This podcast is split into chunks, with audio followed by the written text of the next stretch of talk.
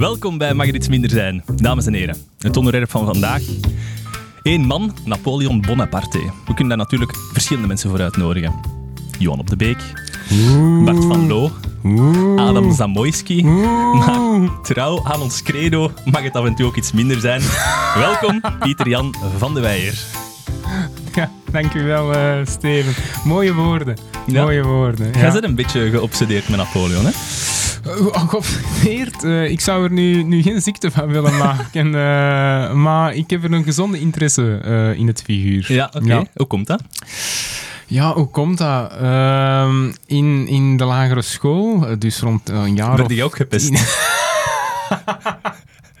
nee, ja, dat ook.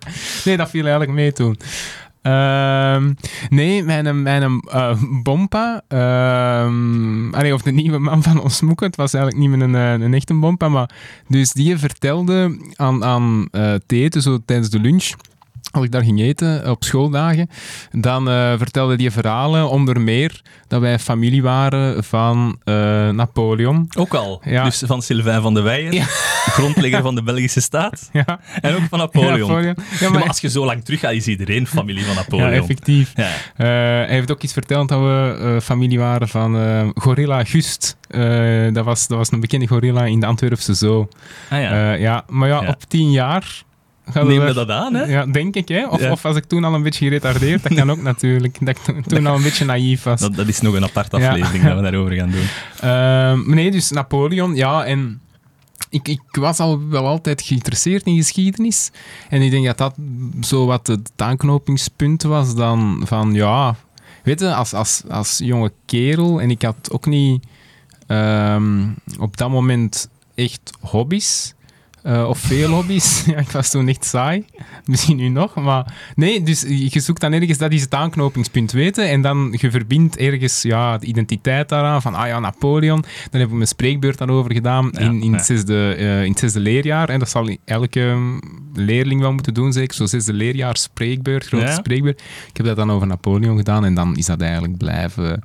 Ja, zo, allee, een running joke bijna, maar dat is altijd ja, blijven op de achtergrond uh, hangen. En um, ja, oké, okay. dus ik lees er af en toe wel eens een boek over. Ik, ik, ik uh, luister daar eens een podcast, uh, een podcast van. Uh, ik weet nog, we waren in, in Oxford, in de Blackwell's Bookstore. Zo ah, echt, ja. ja. dat is een ondergrondse kluis met mega veel boeken. Ja. Ik was daar zo aan het zoeken in de natuurwetenschappen afdeling. Ja, en ineens zag ik daar Pieter Jan zo met, met een glunder afkomen, met een kloeper van een boek in zijn handen.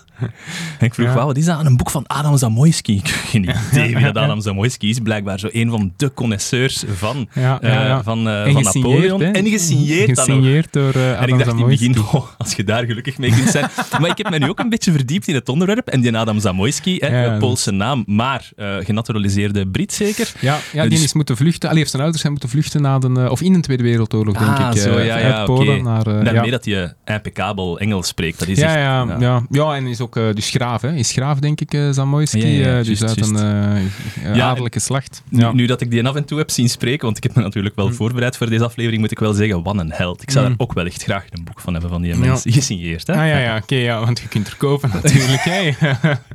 is niet, dat is niet totaal onbereikbaar, een boek kopen van Adam Zamoyski. Dat is zo. Uh, maar lagen er toen nog ze.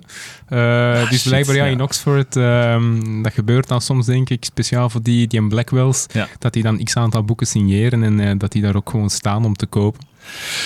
Ik, ja. ik, zal dan niet zeggen wat ik gelezen heb of zoiets voor mij voor te bereiden op deze aflevering. Ja. Dat is uh, uiteraard Bart van Loo, uh, gelezen, De Franse ja. Revolutie en Napoleon. Of hoe heet dat boek? Ja, uh, ja de schaduw, de denk ik. De schaduw van de revolutie. dan de, de, de podcast van, van Johan Op de Beek over Napoleon. Hij heeft daar dan ook nog een tweede, Het Hart van Napoleon. Ja, nog een aantal internet lectures van onder andere Adam Zamoyski en uh, Oversimplified. Als ik echt ja. een tip mag geven aan de luisteraars, als je graag iets weet van geschiedenis, zoek eens naar Oversimplified op YouTube. De beste filmpjes komen daar naar voor. Echt heel grappig. Ja, dat is inderdaad goed. Eh, Ehm, ik vind het debat tussen eh, Adam Zamo van eh, Intelligence Squared, Ja. van Adam Zamoyski en Andrew Roberts, ehm, dat, dat vind ik ook echt... dat is een uur dat die debatteren over... ehm, eh, maar misschien komen er subiet ook op van... Sowieso. Voilà, is het gerechtvaardigd dat je Napoleon de Grote zou noemen? Hè? Daar gaan ze dan op in. Maar dat is heel... ze weten dat ze daar zijn om te entertainen en, en Britse humor, flegmatiek, ja. dat is, Ja, voor de luisteraars, we gaan erbij zeggen, wij zijn deze aflevering woke as fuck. We gaan daar niet uit de weg gaan. We gaan er echt op ingaan. Dat hè? Want ik- de mensen van ja, ons. ik denk dat er op dit moment toch echt wel de vraag is of dat Napoleon inderdaad de grote is of eh, gewoon de, de, de, De- de pestkop, zoals pestkop, eh, Adam ja. Zamoyski Ja. eh, toen een beetje ehm, eh, ja, had gezegd. Goed, wie, wie was Napoleon? Wie was Napoleon? Wie was Napoleon? In een Ja, nutshell. een, klein, een klein vraag. Een klein vraag. Dus, dus heel kort. Ja, ja, ja, ja. Napoleon ehm, komt, eh, komt van Corsica. Hij wordt geboren op Corsica op het moment dat de Fransen daar de, de plak zwaaien. Eh, hij studeert dan in, ehm, in Frankrijk. Hij krijgt daar een militaire opleiding. Hij leeft op het moment van de Franse Revolutie. Hè? Dus dat is natuurlijk eh, zijn window to greatness. Ehm, de, de, ja, het resetten van, van de samenleving. Ehm, en, en ja, op, op ehm, dat speelveld kan hij zich naar boven werken. Eh, in als eigenlijk militair. Hè. Hij begint als luitenant. Na die militaire opleiding begint hij als luitenant in de ar- artillerie. Hij werkt zich op naar generaal. Ehm, die samenleving, die, die eh, ja, eh, na revolutie, die ligt wat eh, op, op, op zijn gat. Eh, de, ene, de ene koe naar de, de andere. Men zoekt een sterk figuur. Men vindt die in ehm, het leger, hè, in Napoleon. Ehm, nee, daarvoor was hij de generaal, nu wordt eigenlijk de staatsman. Hij pleegt dan ook een coup in 1799, neemt de macht over. Eerst als eh, eerste consul, dan ehm, ja, wordt daar een, een monarchaal kantje eh, bij gecreëerd eh, als, als keizer. Ja. Laat zich dan in 1804 kronen als keizer. Eh, hervormt eigenlijk heel, eh, en dus naast zijn militaire exploten, eh, hervormt hem voor een heel groot deel. Hij doet dat natuurlijk niet zelf, maar hij is er wel de manager van. Hij hervormt voor een heel groot deel het Franse bestuursapparaat. Maakt dat performanter. De Code Civil, Code Napoleon, oké, daar zullen we ook wel op terugkomen. Ehm, hij, dus parallel daaraan verovert hem dan eigenlijk heel, heel Europa. Ja. Eh, doet hem iets, denk ik, wat, wat op dat moment toch redelijk ongezien was. In zo'n korte tijd verovert hem eigenlijk heel Europa. Ehm, en ja, dan in zo'n recente geschiedenis ook nog, want ja, ja, ja, ja. met al die grootmachten, maar ja, is wat. Ja. En ehm, ja, oké, hij overspeelt zijn hand dan. Ehm, oké, daar zullen we dus ook straks op, op, op terugkomen, neem ik aan. Hij had geen strategie. Hij wist eigenlijk niet, nooit waar hij mee bezig was. wat, wat wilde hem nu eigenlijk? Allee, het ging misschien te makkelijk. Het ging te makkelijk. Ja. Tot 1807, dus veroverde hij eigenlijk heel, ehm, heel Europa. Eh, in 1808 begint hem dan in Spanje. Ehm, stoot hem daar op een burgeroorlog. Allee, bon, begint eigenlijk zo wat de miserie. Eh, en dat culmineert dan ja, in 1812, hè, wat, wat de meeste mensen wel zullen kennen. Ehm, dat hij met, ik denk op dat moment het grootste leger dat ooit gezien was, een 600.000 man, naar, eh, naar Rusland trekt. Blijkbaar de, de bevolking van Parijs destijds. Voilà, ja, ja, ja. De- ja, het equivalent, hè? Ja, voilà. eh, Niet met de bevolking van Parijs. Allee, madame, Claudine, we zijn weg. Eh, nee, effectief. Dus hij trekt, eh, hij trekt naar Rusland. Hij verliest dan eigenlijk ja, zijn volledige le- leger. Ik denk Ja. dat hij met een 50.000 man terugkomt. Ja. Ehm, door door ja, een combinatie van ehm eh, tyfus, dus ziektes, ja, veldslagen uiteraard, deserties ehm, en de koude, de Russische koude. En dan ja, is het eigenlijk gewoon eh, enkele jaren de, de, de ondergang hè, van Napoleon. Hij verliest dan... eh, oh, hij wint dan nog wel wat veldslagen, eh, maar uiteindelijk de grote veldslagen verliest hem dan. Leipzig, de campagne in 1814 van, van Frankrijk, verliest hem uiteindelijk ook. Moet aftreden, wordt verbannen naar Elba. Ja. Komt dan terug in, in 1815, eh, denk 1 maart, ehm, of, of 31 maart.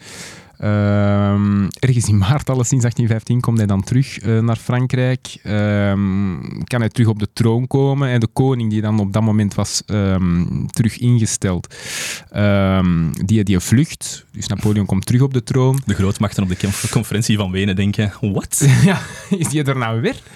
Ehm, dus zij besluiten terug de oorlog te verklaren. Ehm, en hij ja, neemt dan de vlucht vooruit. Hij denkt, ehm, de tactiek die hij eigenlijk altijd heeft toegepast, eh, ik, ga ze, eh, ik, ga niet, eh, ik ga ze niet laten optrekken naar Frankrijk en hun krachten laten combineren. Ik ga ze gewoon één voor één uitschakelen. Dat is wat hij probeert. En dat strandt dan eh, op 18 juni eh, 1815 op een eh, slagveld hier niet zo ver. Nee, eh, nee. En we waren er vorige, vorige zomer ook, hè, met de fietstocht van voilà. Ja, ja, in ja, Waterloo. absoluut. Waar jij als zware gids ons hebt Ja. gegidst door, door het landschap. Hier staat een boerderij. En, eh, ja, die ja. was er toen ook. Ja. En een mooi teken hebt gegeven. moet weten over al die heuvels, lagen al die troepen eh, te kamperen. Ja, ja, je doet me weer veel, te, veel eh, eer aan. Maar ja. Nee, en dus na 1815, hij probeert dan nog naar Engeland te vluchten. ehm, als een soort van lord, hè, dat hem daar eh, op een buitenverblijf, ehm, ja, ergens in gevangenschap, ehm, zou, zou kunnen blijven. Ehm, maar dat wordt hem dan niet toegestaan. Eh, hij wordt dan verbannen een tweede keer eh, naar het derde eiland. Hè. Dat wordt dan vaak, eh, dat is zo de, para, of de, de, de continu die men dan ziet. Hè. Corsica, Elba en dan zijn laatste eiland, Sint Helena. Ik heb Sint-Helena even opgezocht. Er is geen plaats die dat verder ligt van welke beschaving dan ook dan Tof, hè? Sint-Helena. Ja, ja, dat is zot, hè? Dat is gewoon een krater. Dat is dat een vulkaankrater. Ja, ja. Meer als dat is dat niet. Dat is, eh, als je, ja, inderdaad, als je u daar op Jamestown, eh, dat is dan de hoofdstad van. Sint Helena, meteen ook de enige stad van eh, Sint Helena en meteen ook, ja, allee, dat is een straat natuurlijk. Hè. Ehm, dat is Kortenberg een metropool tegenover. Als, je, als je daarop inzoomt en je begint dan uit te zoomen, dat is ongelooflijk. Ja. Dan, dan water, water en je blijft maar water totdat je denkt, dat kan toch niet? En dan, oké, kom dan Afrika. Nou wel, als je wilt weten waar dat ligt, inderdaad Afrika en dan nog veel, veel, ja, veel ja, verder. het ligt midden, midden in de oceaan. Ehm, Jamestown, nee, en dus daar blijft hem dan nog eh, zes jaar, van 1815 tot, eh, tot 1821. Eh, en dan sterft hem. Dan sterft hem, Oké. ja. Dankjewel om te luisteren en tot de volgende. Dit is dus, het- Ciao. we, gaan, we gaan dat dus in twee delen onderverdelen. Ik denk dat deze aflevering anders echt veel te lang gaat worden. Ja, de, ja, de opkomst en de, de ondergang eh, van Napoleon. Waarin dat wij de, de, de hedendaagse bril zullen proberen op te zetten. In zoverre dat twee blanke mannen dat kunnen. maar ehm, eh, Corsica. Ehm, Ja, daar, daar komt hem van. Zijn vader strijdt origineel mee met, de, met de, de, de beweging tegen de Franse bezetting van Corsica. Ja. Krijgt dan op zijn doos en denkt, maar ik ga mijn kar keren, ik ga toch met de Fransen meedoen. ja, Zo'n opportunist, precies. Ja eh, dat, zou je, dat zou je inderdaad kunnen zeggen. Ehm, eh, hetzelfde denk ik dat je van Napoleon wel een stuk kan zeggen. Maar het klopt, hè, dus Corsica was tot eh, 1768 was dat een deel van eh, Genua. Ehm, Genua, wat is dat juist? Eh, ja, de, de, de stad staat op dat moment Genua. Nu is dat een stad. Eh daar eh, stort al eens een brug in. Ehm, nee, dat, is, dat knipt. Links van boven in Italië. Ja, ja, ja. Eh, dus aan de, aan de kust, hè, de Ligurische Knip kust. niks, by the way. Hè? Of de Oh. Genuese kust. Ah ja, juist. Dus ik excuseer mij voor dat mopje over eh, een brug in Genua. Ehm, dus eh, ja, dus dat was een deel van Genua, Corsica. Eh, voor, eh, voor 1768. Ehm, nu ja, de Genuezen, allee, die controleren zowat de kustregio's. Echt het binnenland. Dat was eigenlijk een, een, een maatschappij die ver van, eh, ver van het Europese vasteland eh, bleef. Hè. Dat was ja, een, ehm, een, zeer traditionele, een zeer traditionele samenleving. Ehm, nu in 1768 wordt dat dan overgedragen aan, eh, aan Frankrijk, Corsica. Er wordt een deal gesloten, geen wat schulden. Bij, eh, bij Frankrijk wordt een deal gesloten, oké, eh, we, geven nu, geven nu Corsica en als we ons schulden niet kunnen afbetalen binnen x aantal jaar, dan is, is Corsica definitief voor u. Dus dat gaat naar, gaat naar Frankrijk. En dan ontstaat er ja, een soort van ehm, onafhankelijkheidsbeweging. Ehm, onder, onder ja, Paoli, hè, dat is dan eh, de bekende naam daar. Mhm. Eh, die krijgt daar, ehm, ja, generaal Paoli. Ehm, die begint daar wat de plak te zwaaien. En Carlo ehm, ja, is een van de vertrouwelingen van, eh, van Paoli. Carlo, Paoli- de vader van Napoleon. Carlo eh, Ja. Bonaparte, ja, de, de vader van Napoleon. Nu, Paoli moet dan vluchten op een bepaald moment, omdat de, de Fransen ehm, ja, het daar eh, uiteraard geen genoegen mee nemen en dat die onafhankelijkheidsbeweging daar is. Dus ehm, willen, willen die de kop, dat onafhankelijkheidsstreef de kop indrukken. Paoli moet dan vluchten en Carlo blijft dan inderdaad achter. En eigenlijk gaat meteen eh, met de Franse gouverneur, eh Comte Marbeuf, ehm, daar eh goede vriendjes mee worden. Dus inderdaad, ja, wat opportunistisch. Hè. Daarvoor was hij, trok hij de kaart van, van het onafhankelijke Corsica. En als het dan duidelijk wordt dat dat niks wordt, ehm, ja, dan, dan keert hij zijn kar vrij vlug. Maar Eh, doordat hij overloopt, krijgt Napoleon wel... Voilà, ja, dus dan krijg je natuurlijk kansen hè, voor Ja. zijn familie. Ze Ehm, komen daardoor in de lage adelstand. Ja, eh, effectief, ja daardoor. ehm, dus eh, ze behoorden tot de lage adel. Allee, dat is allemaal wat Ja, obscuur. Ehm, hoe ver ging dat terug? Wat zijn eh, uiteindelijk de, de, wat is de origine van die familie Bonaparte? In, ehm, in, eh, in Corsica, hè, waarschijnlijk ergens Toscaans, maar bon, dus ze behoorden ergens tot de lage adel. Maar dus door, zijn- door zijn connecties eh, met die Fransen slaagt hij erin om voor zijn kinderen in eh, Frankrijk opleidingen ehm, te, te versieren. Dus de, de oudste, de Joseph, die kan in het seminarie eh, terecht om, om de opleiding van priester, priester te volgen. En een tweede zoon, eh, Napoleon, ehm, die kan in het militair eh, college eh, terecht, allee, of in Brienne, ehm, ergens in Noord-Frankrijk. Daar kan hij terecht voor zijn opleiding. Dus ehm, ja, hij, hij versiert dat natuurlijk wel. En het viel mij op, ik heb nog niet zoveel ehm, biografieën gelezen of zo van, van historische figuren, maar het leek mij op hoeveel nadruk dat er werd gelegd op de kindertijd van Napoleon. Napoleon, zeker die periode in Brienne, werd daar geconfronteerd met een aantal zaken van zijn bestaan waar dat hem niet aan kan doen. Hij spreekt eh, Frans met een hevig Corsicaans Ja, ja, accent. absoluut. hij ja. heeft dan ook ja, nog kon geen Frans eigenlijk, ja. Ah, ja. voilà, ja. Hij, hij, hij zit dan ook nog eens een stukje bruiner dan de rest. Ja. Ol- olijf Ja. getint, eh, wordt dan zo wel gezegd. Hij zit daar ook in een klas met... Hij heeft heel veel ambitie en hij zit daar in een klas met voornamelijk aristocraat, eh, aristocraten die, die, waarbij dat hun kunnen niet echt gebaseerd is... Allee, ja, eh, hun progressie is niet echt gebaseerd op merites, eerder op hun afkomst. Ja. En, en hij wordt wat gepest, want hij heeft niet de mooiste kleren aan. Ja. En, en daar begint er zich zo'n complex... Ja, wel, dat is dubbel. Hè? Dus eh, misschien eerst op ehm, eh, zijn Frans. Ehm, dus dat heeft hij eigenlijk nooit onder de knie gekregen, Ah. blijkbaar. Ehm, dus hij heeft dat dan moeten leren, die eerste maanden in Frankrijk. Ehm, ja, wat sprak men op Corsica? Dat was echt een patois, hè? of ik denk Italiaans meer. Eh, omdat het natuurlijk ook heel lang Genua was geweest. Of Genuees was geweest. Dus, eh, en heeft dan dus nooit echt goed onder de knie gekregen, dat, eh, dat Frans. Ehm, ik denk eh, dat de, de, de tsaar van Rusland, ehm, Alexander I, Mhm. echt daar ook een statement van maakte dat hij beter Frans kon dan, eh, dan de keizer van, ehm, van Frankrijk. Dus nee, dat is altijd een, man een manco geweest, absoluut. Maar dus effectief in Brienne.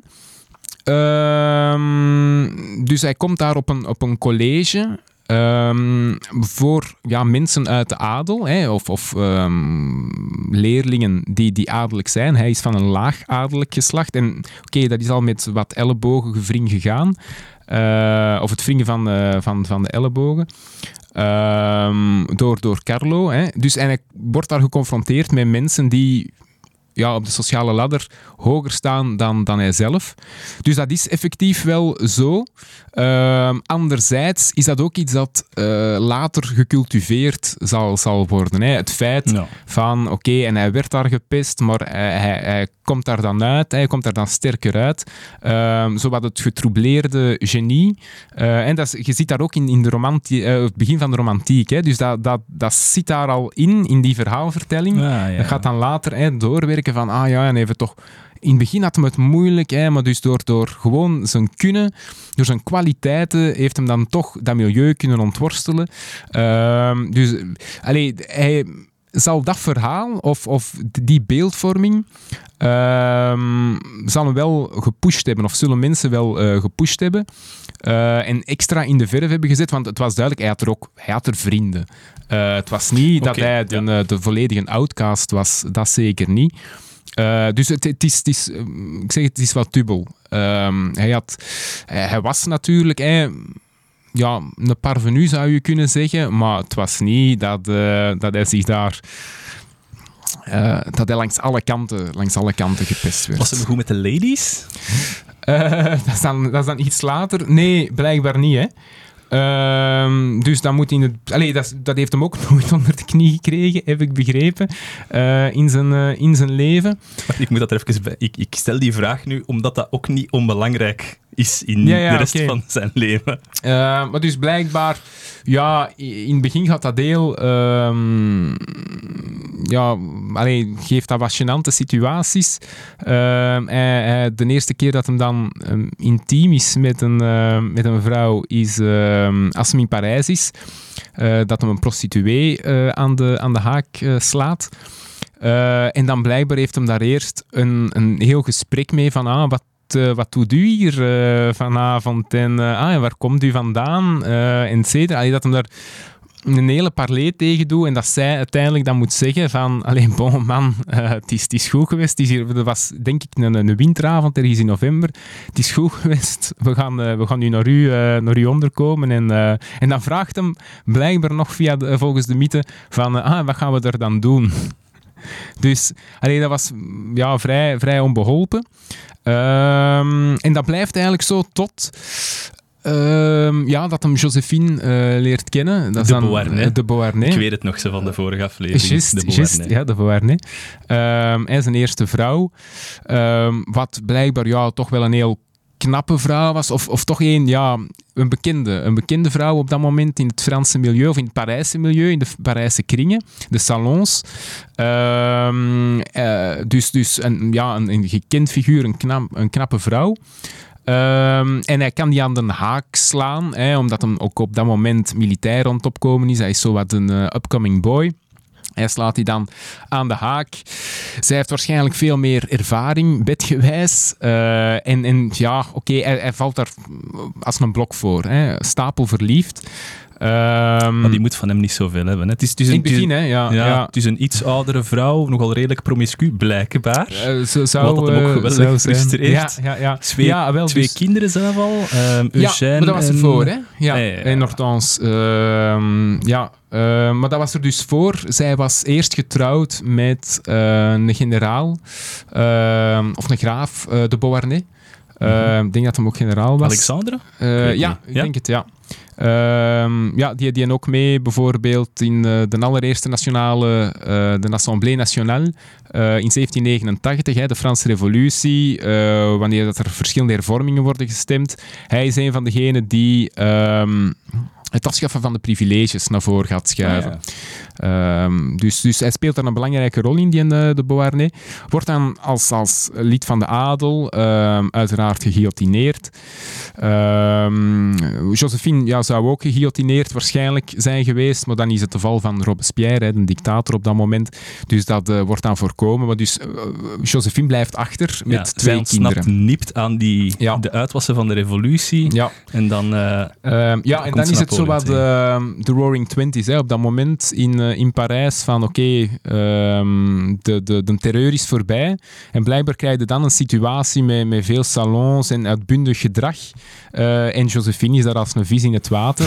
Ehm, ja, dus, eh, en zou dan de maîtresse zijn van, van allee, eh, Barra, dus op dat moment een sterk figuur. Dus allee, inderdaad, ja, dat was niet eh, de koorknaap, zeker niet, eh, Josephine. Ehm, en en oké, zij komen dan samen, dus Napoleon en, eh, en Josephine. Op, eh, op een bepaald moment, hè, hij is dan dus de reizende ster. Ehm, zij is ja, zo wat vertrouwd in de kringen. Hè. Zij, zij is deel van Zij het heeft establishment. hè? Ja. Ja. voilà, zij heeft de connecties. Dus, en hij valt dan stapel, eh, hij wordt stapel verliefd, hij valt, eh, valt er als een blok voor. Zij niet. Ehm, ja, zij ziet dat als een verstandshuwelijk. hè. Ze had ook Ehm, geen geld meer, zeker. Nee, ja, wel, ja, voilà. Dus het was, het was eigenlijk opportunistisch. Maar hij ehm, ja, hij, hij, hij gaat daar daarna nadat hem trouwt op de Italiaanse campagne. Hè, een van zijn, ehm, ja, of misschien zijn Wacht, hè. beste Ehm, campagne. Ja, sorry, ik ben, ik ben een beetje... Ik heb de vlucht vooruit genomen, Ja, hè, ja, door, ja. Door, door te Door zeggen dat hij goed met, Ah, de- met de dus, vrouwen is. eh, maar, eh, om, om te concluderen, hij heeft dan, daarna loopt het dan wat spaak. Hè. Eh, zij is ontrouw. hij botst er dan eh, op. Allee, of hij vindt dat dan... ehm, hij komt er dan op uit. Ehm, en dan, ja, ik denk, breekt er iets. Eh, allee, dan heeft hem veel maîtresses daarna ook. Dus ik denk niet dat hem zich daarna nog echt... ehm, ja, zo verliefd is geweest. Ja, Of ja. ja, dat hem eh, ja, ergens verbitterd misschien was. ja, en sommige mensen zeggen dat dat ook zich uit in de code Napoleon. Goed, ja, voilà. Ah, dat ja, dat is een positie van theorie. de vrouw- Dat is een theorie. Een theorie. Ja. Ja, Eh, Ehm, maar misschien, eh, ik weet niet wat uw volgende eh, vraag ging zijn, maar misschien even nog terugkomen op die Corsica en op die Brienne. Eh, wat ik daar altijd interessant vind, wat hij in Brienne, ont- dus hij eerst studeert hem in Brienne, daarna studeert hij aan de Franse eh, École Militaire in, in Parijs, ter vervol- ver- vervolmaking van zijn, van zijn opleiding. Hij wordt dan eh, artillerieofficier, dus dan spreken we de, de jaren eh, voor 1789, hè, van 1785, 86 tot 1789. Dus hij is dan, ehm, ja, maakt dan deel uit van een artillerieregiment. En op dat moment begint hij zich, en daarvoor was dat ook al, begint hij zich erg te verdiepen in Corsica mhm. in de geschiedenis van Corsica. En dat was het land dat hij uiteindelijk als negenjarige had moeten eh, verlaten om dus te gaan studeren. Ah ja, op zijn negen jaar had wel op zijn negen jaar had hem eh, Corsica moeten verlaten om in Brienne te moeten gaan studeren. Ehm, dus hij krijgt daar een soort van, ja, een, zeer sterke melancholie. Ehm, hè, zo, ja, het, het, het ideaalgedachte van, ah, Corsica. Ehm, het zoeken waarschijnlijk ook naar identiteit. Hè. Ja. Ook wat in Brienne gebeurt, dat hij daar toch wat de parvenu is. eh, het zich vastklampen aan die identiteit van, ja, maar Corsicaans. Dus ehm, al, die, al die hogere adel, die denkt dat een beter is. Nee, nee, dat is, dat is ehm, eh, allemaal pervers, want die komen uit de pure, hè, het pure Corsica. Eh, de, de, die die, die ja, ideale samenleving. Allee, of i- hij idealiseert dat dan zeer sterk. En hij eh, verdiept zich dus in die, die eh, geschiedenis van Corsica. ehm, in, in zo'n verre mate dat hij eigenlijk voor de Fransen ook geen goed woord over heeft. Hè, wat, wat heel dubbelzinnig is, want hij is wel officier in het Franse leger. Maar ergens strijdt hem ook, of wil hem strijden tegen de Franse onderdrukking van, eh, van Corsica. Uh, nee, ik vind dat heel interessant, omdat je, dat hoorde heel vaak, hè, zo- zo'n band in die eerste jaren met Corsica. Eh, en wordt daar ja, ehm, liefelijk over, over gesproken. Eh, maar dat is iets wat je, denk ik, ziet bij, ehm, bij ja, heel veel migranten. Ehm, allee, of je zou die parallel kunnen trekken met migranten komen in een, in een samenleving en zoeken naar een identiteit. En die identiteit gaat dan vaak zijn het teruggrijpen naar iets wat ze kennen en dat misschien idealiseren. Dus eh, allee, vandaag de dag hè, wordt er heel vaak ehm, negatief gekeken als men ehm, mensen eh, die, die, die ja, uit, uit Arabische landen komen bijvoorbeeld en die dan nog naar die tv blijven zien Ja, ja. Of, of supporteren op een EK hè, voor, eh, voor, ik weet niet, Turkije, Marokko, whatever. Ehm, wordt daar zeer, zeer negatief tegenover gedaan. Maar ik denk dat is hetzelfde mechanisme als je zag bij, bij Napoleon. In, in de zin van, ja, je zoekt u een identiteit. Hè, en ehm, als het integreren in een nieuwe samenleving niet al te makkelijk gaat, door factoren allerhande, zoals Napoleon had, hij had daar problemen ergens om zijn weg te vinden in het begin, in Brienne, in, in die Franse samenleving, dan zoekt u ergens een uitweg identiteitsgewijs. En hij vond dat dan in Corsica, maar ik denk dat je dat dus... Dat is een mechanisme dat, dat denk ik heel universeel is. Ja. Maar bij Napoleon wordt dat dan ehm, ergens ja, bekeken dus met een... ehm, ehm, ja, allee, zonder dat daar één negatief woord over valt. Hè. Ehm, Ja, want ik weet niet of dat ook... Heeft dat ook zo'n groot gevolg voor zijn latere carrière? Of voor zijn latere leven? Zijn band met Corsica? Ja. Nee, nee, dus eh, hij, hij mengt zich dan ook in de, de politiek van Corsica op een bepaald moment. Hij stelt zich dan in die beweging van onafhankelijkheid. Maar het wordt dan Paoli, degene, hè, de onafhankelijkheidsstrijder die dan, was, ehm, die dan was gevlucht, die komt ook op een bepaald moment terug. Hij probeert daar dan banden mee te creëren.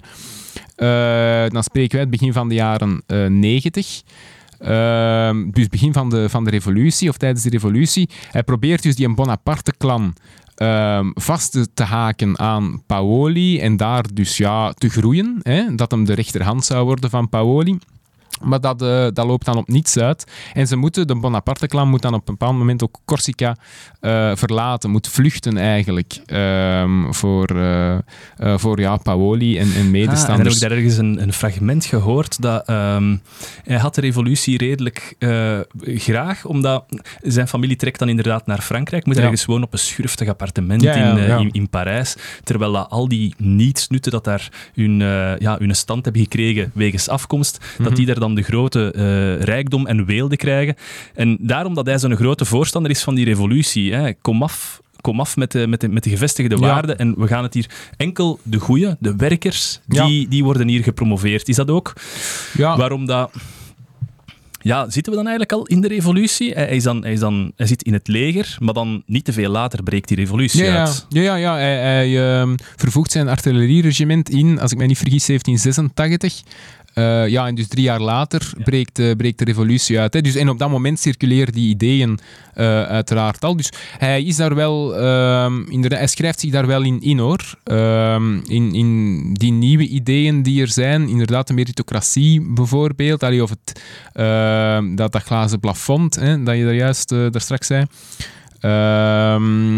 Dat hij zich daartegen verzet. Inderdaad, hij schrijft zich in die nieuwe revolutionaire idealen eh, wel in.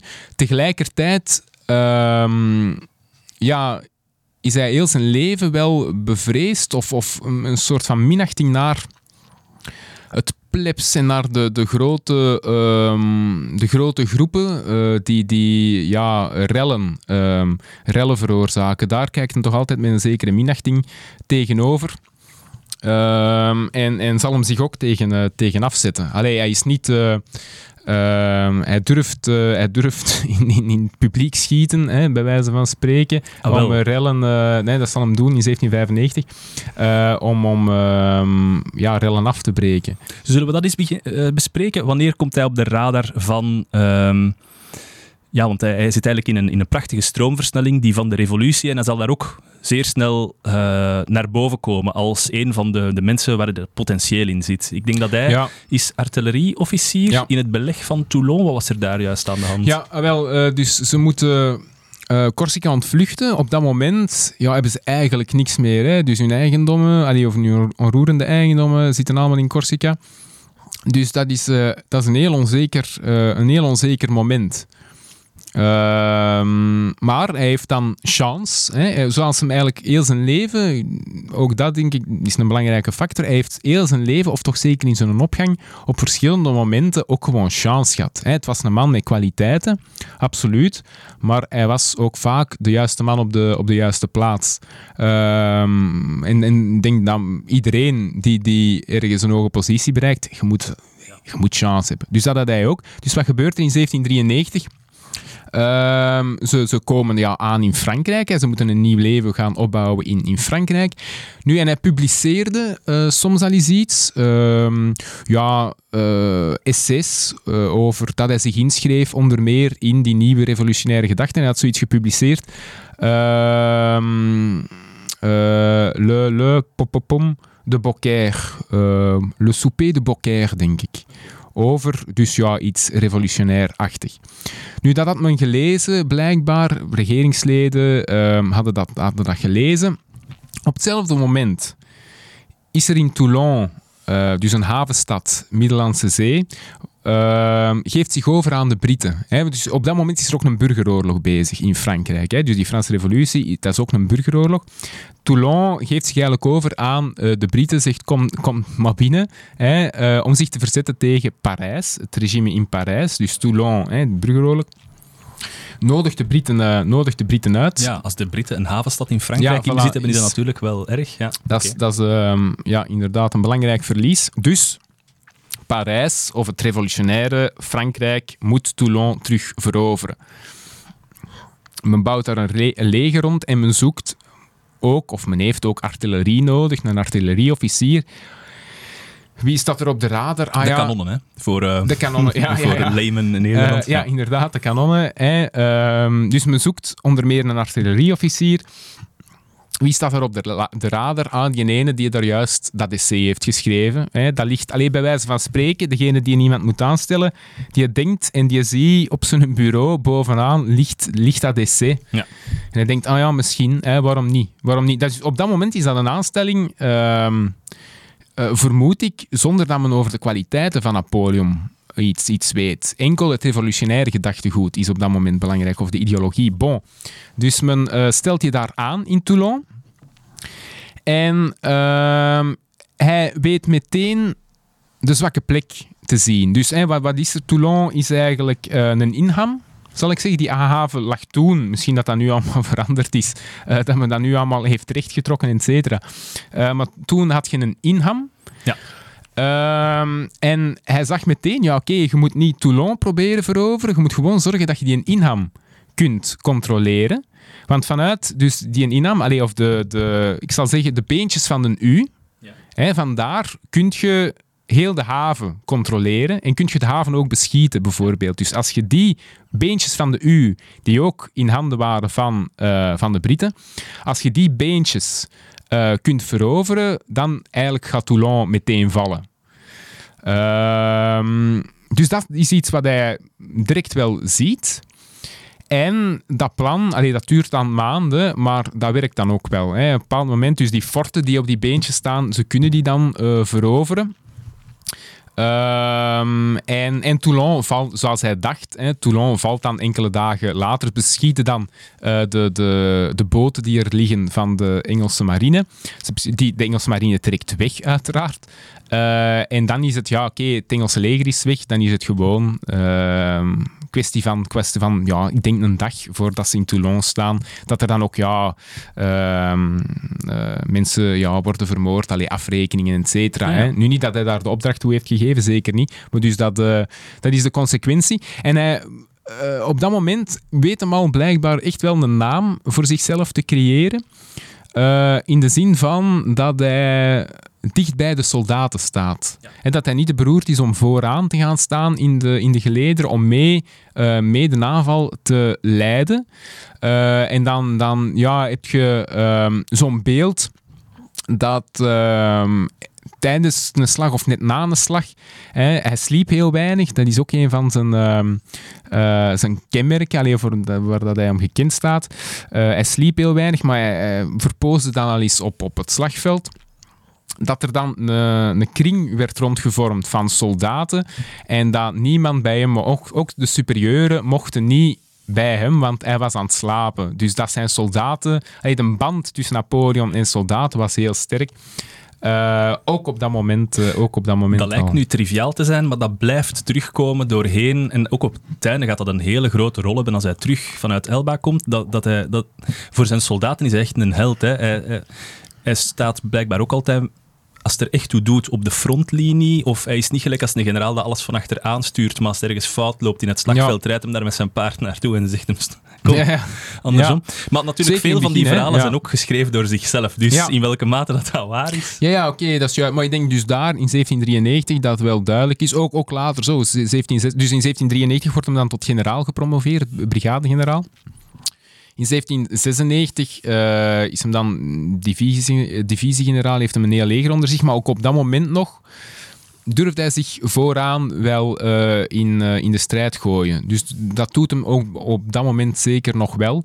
Eh, dat vermindert dan natuurlijk eh, doorheen de jaren. Maar dus eh, nee, op, op dat moment, hij doet dat, eh, hij doet dat effectief eh, ook wel. One of the boys. Hè? Ja, one of, the, boys. waardoor dat ze hem ook graag hebben en hij krijgt er ook zijn heldenstatus door. Maar dus Ja. door dat beleg van Toulon, dat hem Ja. succesvol weet te verwezenlijken, komt hem op de radar van Robespierre, of de broer van Robespierre. ja, ja. Ja, dus inderdaad. ehm, dat is dan, hè, we spreken dan begin 1794, eind 1793, begin 1794. Dus hij heeft echt weer een naam voor zich laten weten te maken. Hij, is iemand. Hij heeft uiteindelijk Toulon op de knieën gekregen. Eh, voor het revolutionaire Frankrijk was dat wel ehm, was dat belangrijk. Alleen of een trofee. Eh, maar op dat moment wordt dan de regering eh, Robespierre eh, omvergeworpen. Hè. Ehm, dus, dus in de zomer van 1794, Robespierre wordt geguillotineerd. Dus de terreur, op dat moment heerste de terreur. De terreur wordt eh, omvergeworpen.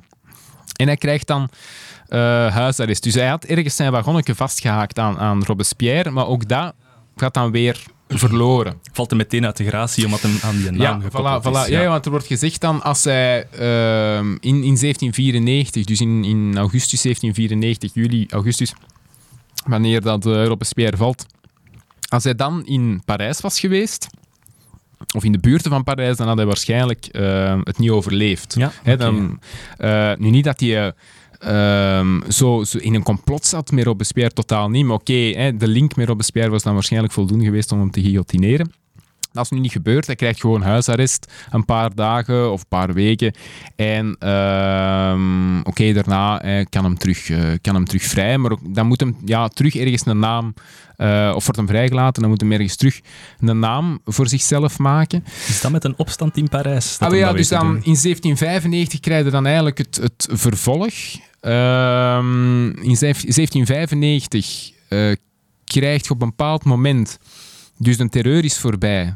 Eh, maar ergens de, de, de verschillende stromingen in de maatschappij hè, die om macht kampen. Hè, eh, de royalisten tegenover de, de Jacobijnen, eh, de republikeinen, kun je zeggen die strijd blijft wel ergens minstens latent aanwezig. En in ze- 1795 krijg je weer zo'n oprisping, ehm, waarbij dat de royalisten ehm, ja, proberen eigenlijk de macht te grijpen.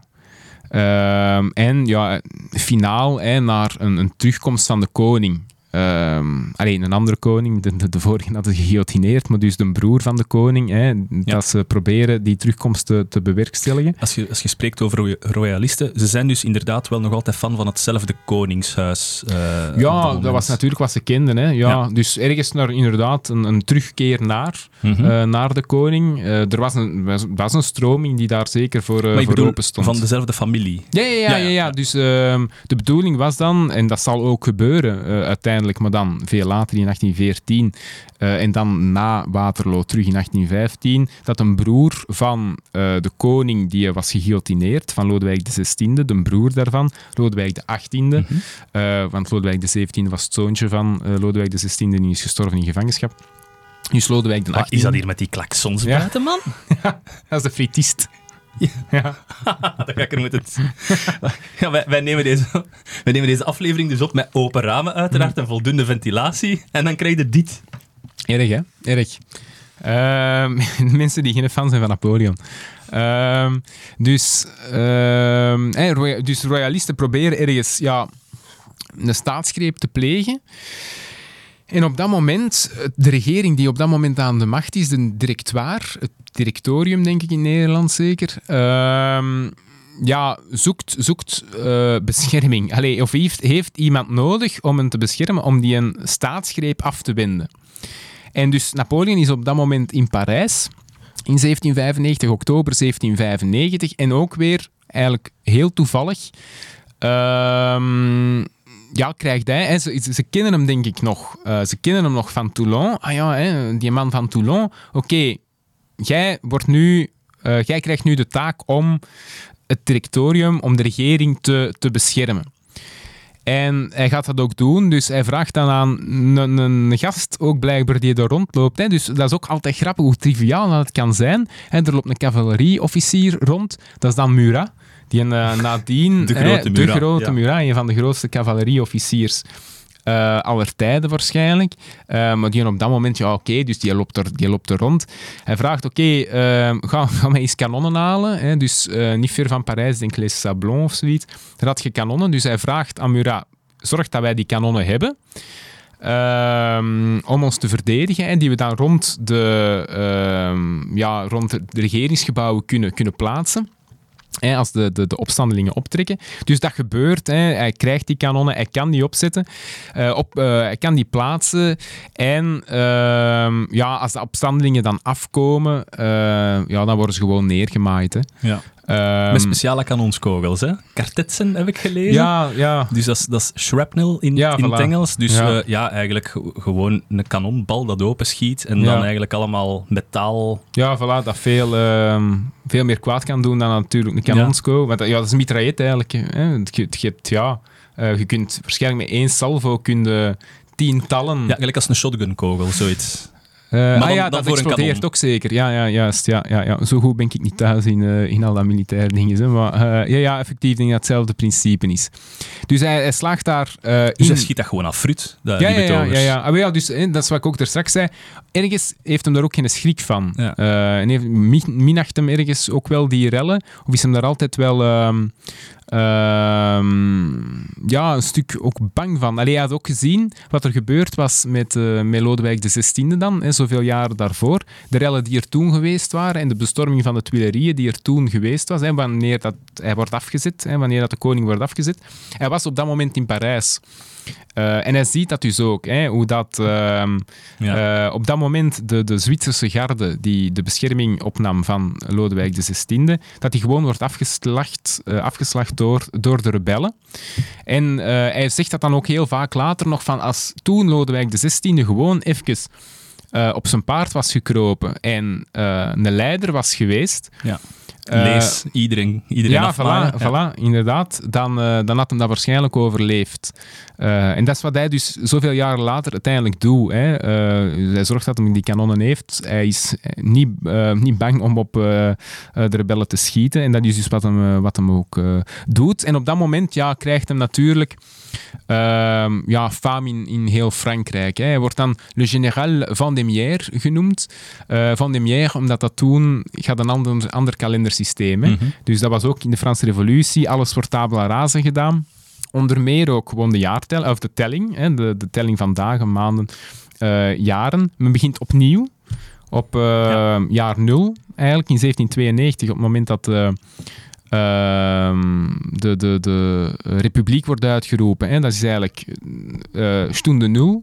En begint men opnieuw te tellen. En ook via een nieuwe telling eh, met eh, ja, dus maanden die naar ehm, ja, gebeurtenissen refereren. Dus de, de, de wijnmaand, ehm, Ja. de, de, de, de brumaire. Ik denk dat dat van uh, brouillard komt. denk ik, van mistig, de mistmaand. Allee, zo... Niet Eh, naar Romeinse keizers, dus. Nee, nee, voilà. Dus, eh, en dus Vendémiaire is op dat moment dat die een, eh, die een opstand er was, ehm, want die hij neerslaat, dat was in Vendémiaire, in Ja. die maand. Dus hij wordt dan de generaal Vendémiaire. Hij wordt eh, gepromoveerd tot ehm, divisiegeneraal. En ja, dus op dat moment zit hem in de hoogste, in de hoogste kringen. Heeft hem echt wel macht. Militair of politiek? Ja, militair Ja. in de eerste plaats, maar ik denk op dat moment hangt dat samen, loopt dat, Ja. loopt dat wat in, in elkaar over. Eh, volgens mij wordt hem dan eerst nog benoemd tot chef van het binnenlandsleger, hè, dat onder meer ja, met een burgeroorlog betrokken was. Ehm, hè, dat dus opstanden in, in de Vendée was het, Voilà, eh, in de Vendée is er, is er ehm, een hele serieuze opstand geweest en honderden duizenden mensen eh, omgekomen. Eh, wordt soms gesproken, denk ik, zelfs over een genocide dat daar is gepleegd ehm, door het Franse leger. Maar dus heel kort heeft hij daar ehm, over dat leger de plak gezwaaid, het inlandse leger. Maar dan ehm, wordt hij aan het hoofd gesteld. Hij had er daarvoor ook al eens mee geflirt met het Italiaanse leger. Eh, al Wacht, is- wat is het Italiaanse leger eigenlijk? ja, dus het leger van Frankrijk, maar dan voor de Italiaanse eh, campagne.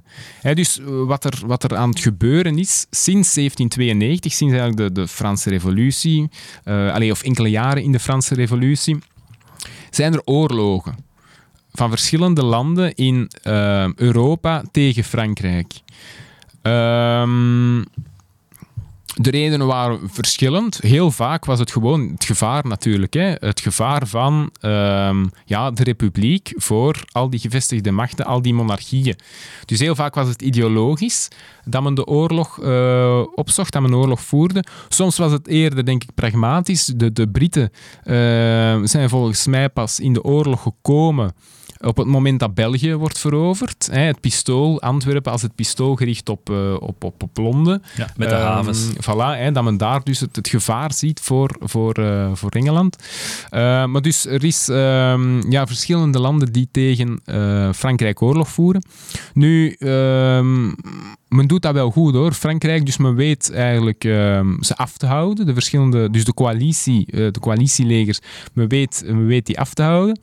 Ehm, en in 1799, eh, 1797, dus, eh, sorry, 1796, die oorlog is nog steeds eh, aan de gang. Tegen voornamelijk dan ja, Oostenrijk op dat moment. Ehm, Als jij zegt Oostenrijk, dan het bedoel... eh, Habsburgse, ja, ja, het, het Habsburgse... Ik heb het eens opgezocht op Wikipedia. Ja, dat is echt een vlek die dat, vertrekt van in Oostenrijk en dan. Tsjechië, Hongarije, de ganse Adriatische Zee Ja, dat was echt een rijk, hè? een keizerrijk hè, was dat. eh, absoluut, ja, ja. ja. En die keizer was eigenlijk ook keizer van het Heilig Roomse Rijk, dus van heel Duitsland. Ehm, ja, dat waren de Habsburgers. Hè. Eh, degene die wij dan kennen van de Bourgondiërs, eh, dat was het nageslacht daarvan. Ja, dus dat was echt een keizerrijk, groot, eh, groot keizerrijk. Ehm, dus daar zijn ze tegenaan het vechten. Hè. Dus de, de bedoeling is 1796 ehm, om in Duitsland zou ja, de hoofd, dat was het hoofdtoneel. Hè. Er zou, eh, de, de, de grote veldslagen zouden daar plaatsvinden. Maar ehm, via Italië zou er een zijtoneel zijn. Allee, of een, een, een, eh, een, andere, een, een ondergeschikte bühne hè, zou Italië zijn om ehm, ja, daar wat troepen te fixeren. om, om eh, die corridor tussen de Alpen en de Middellandse Zee, om Ja. die te beschermen of zo. Ja, ook in. Dus om daar wat eh, Oostenrijkse troepen te kunnen vastzetten. Hè, dat men die ook niet kan ontplooien op, eh, op het Duitse Ah, ja, ja, eh, toneel. En dus die Italiaanse campagne, die wordt gegeven, maar die was dus ondergeschikt. Hè? Ja. Ondergeschikt aan wat er in Duitsland gebeurt met, met generaals Moreau en Jourdan, denk ik. Was ondergeschikt, maar die, dat wordt dus aan Napoleon, aan Napoleon gegeven. Ehm, op hetzelfde moment hè, trouwt hij ook mee met Josephine. Dus hij leert aan Josephine de Beauharnais, de Beauharnais, de Beauharnais kennen.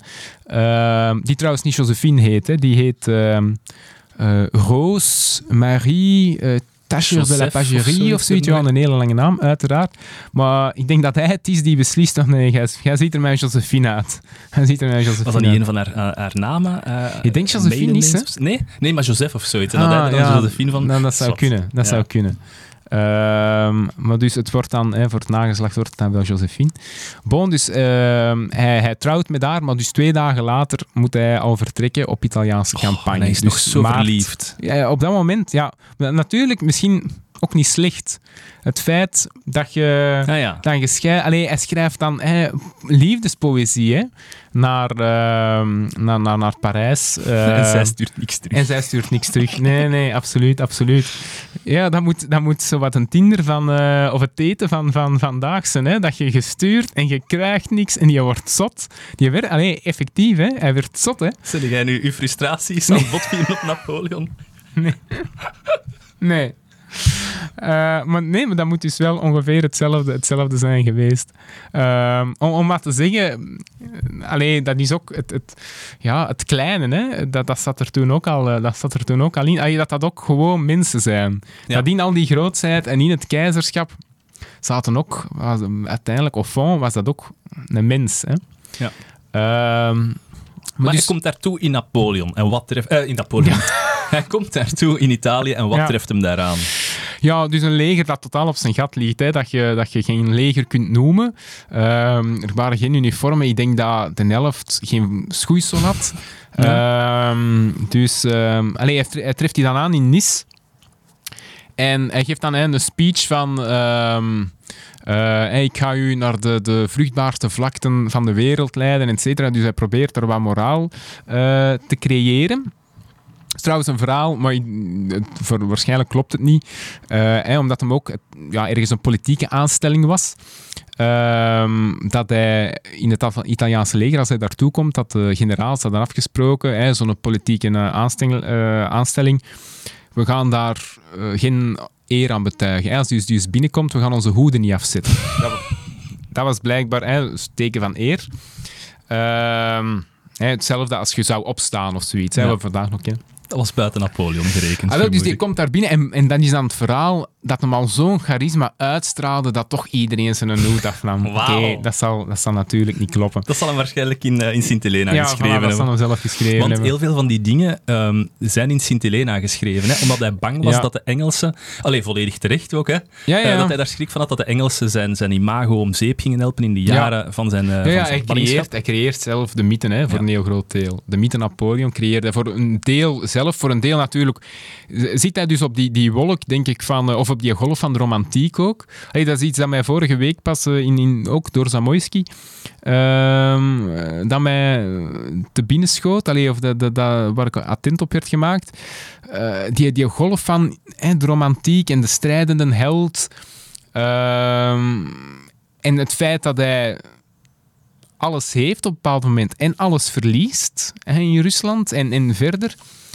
Uiteindelijk is het een mislukkeling. hè. Oké, daar komen misschien de eindevaluatie straks nog op. Uiteindelijk is het een mislukkeling, maar toch, ja, waarschijnlijk omdat hem in die, in die flow zit van de romantiek, dat dat toch heel, heel Maar erg iedereen aanslaat. vindt dat tof nu toch nog altijd. Een underdog is toch het leukste wat je kunt Ja, ja, maar op zich ja, kun je daar vragen. Maar waarom, waarom denken we dat? Ja, dat is, dat is niet, niet natuurlijk, denk ik.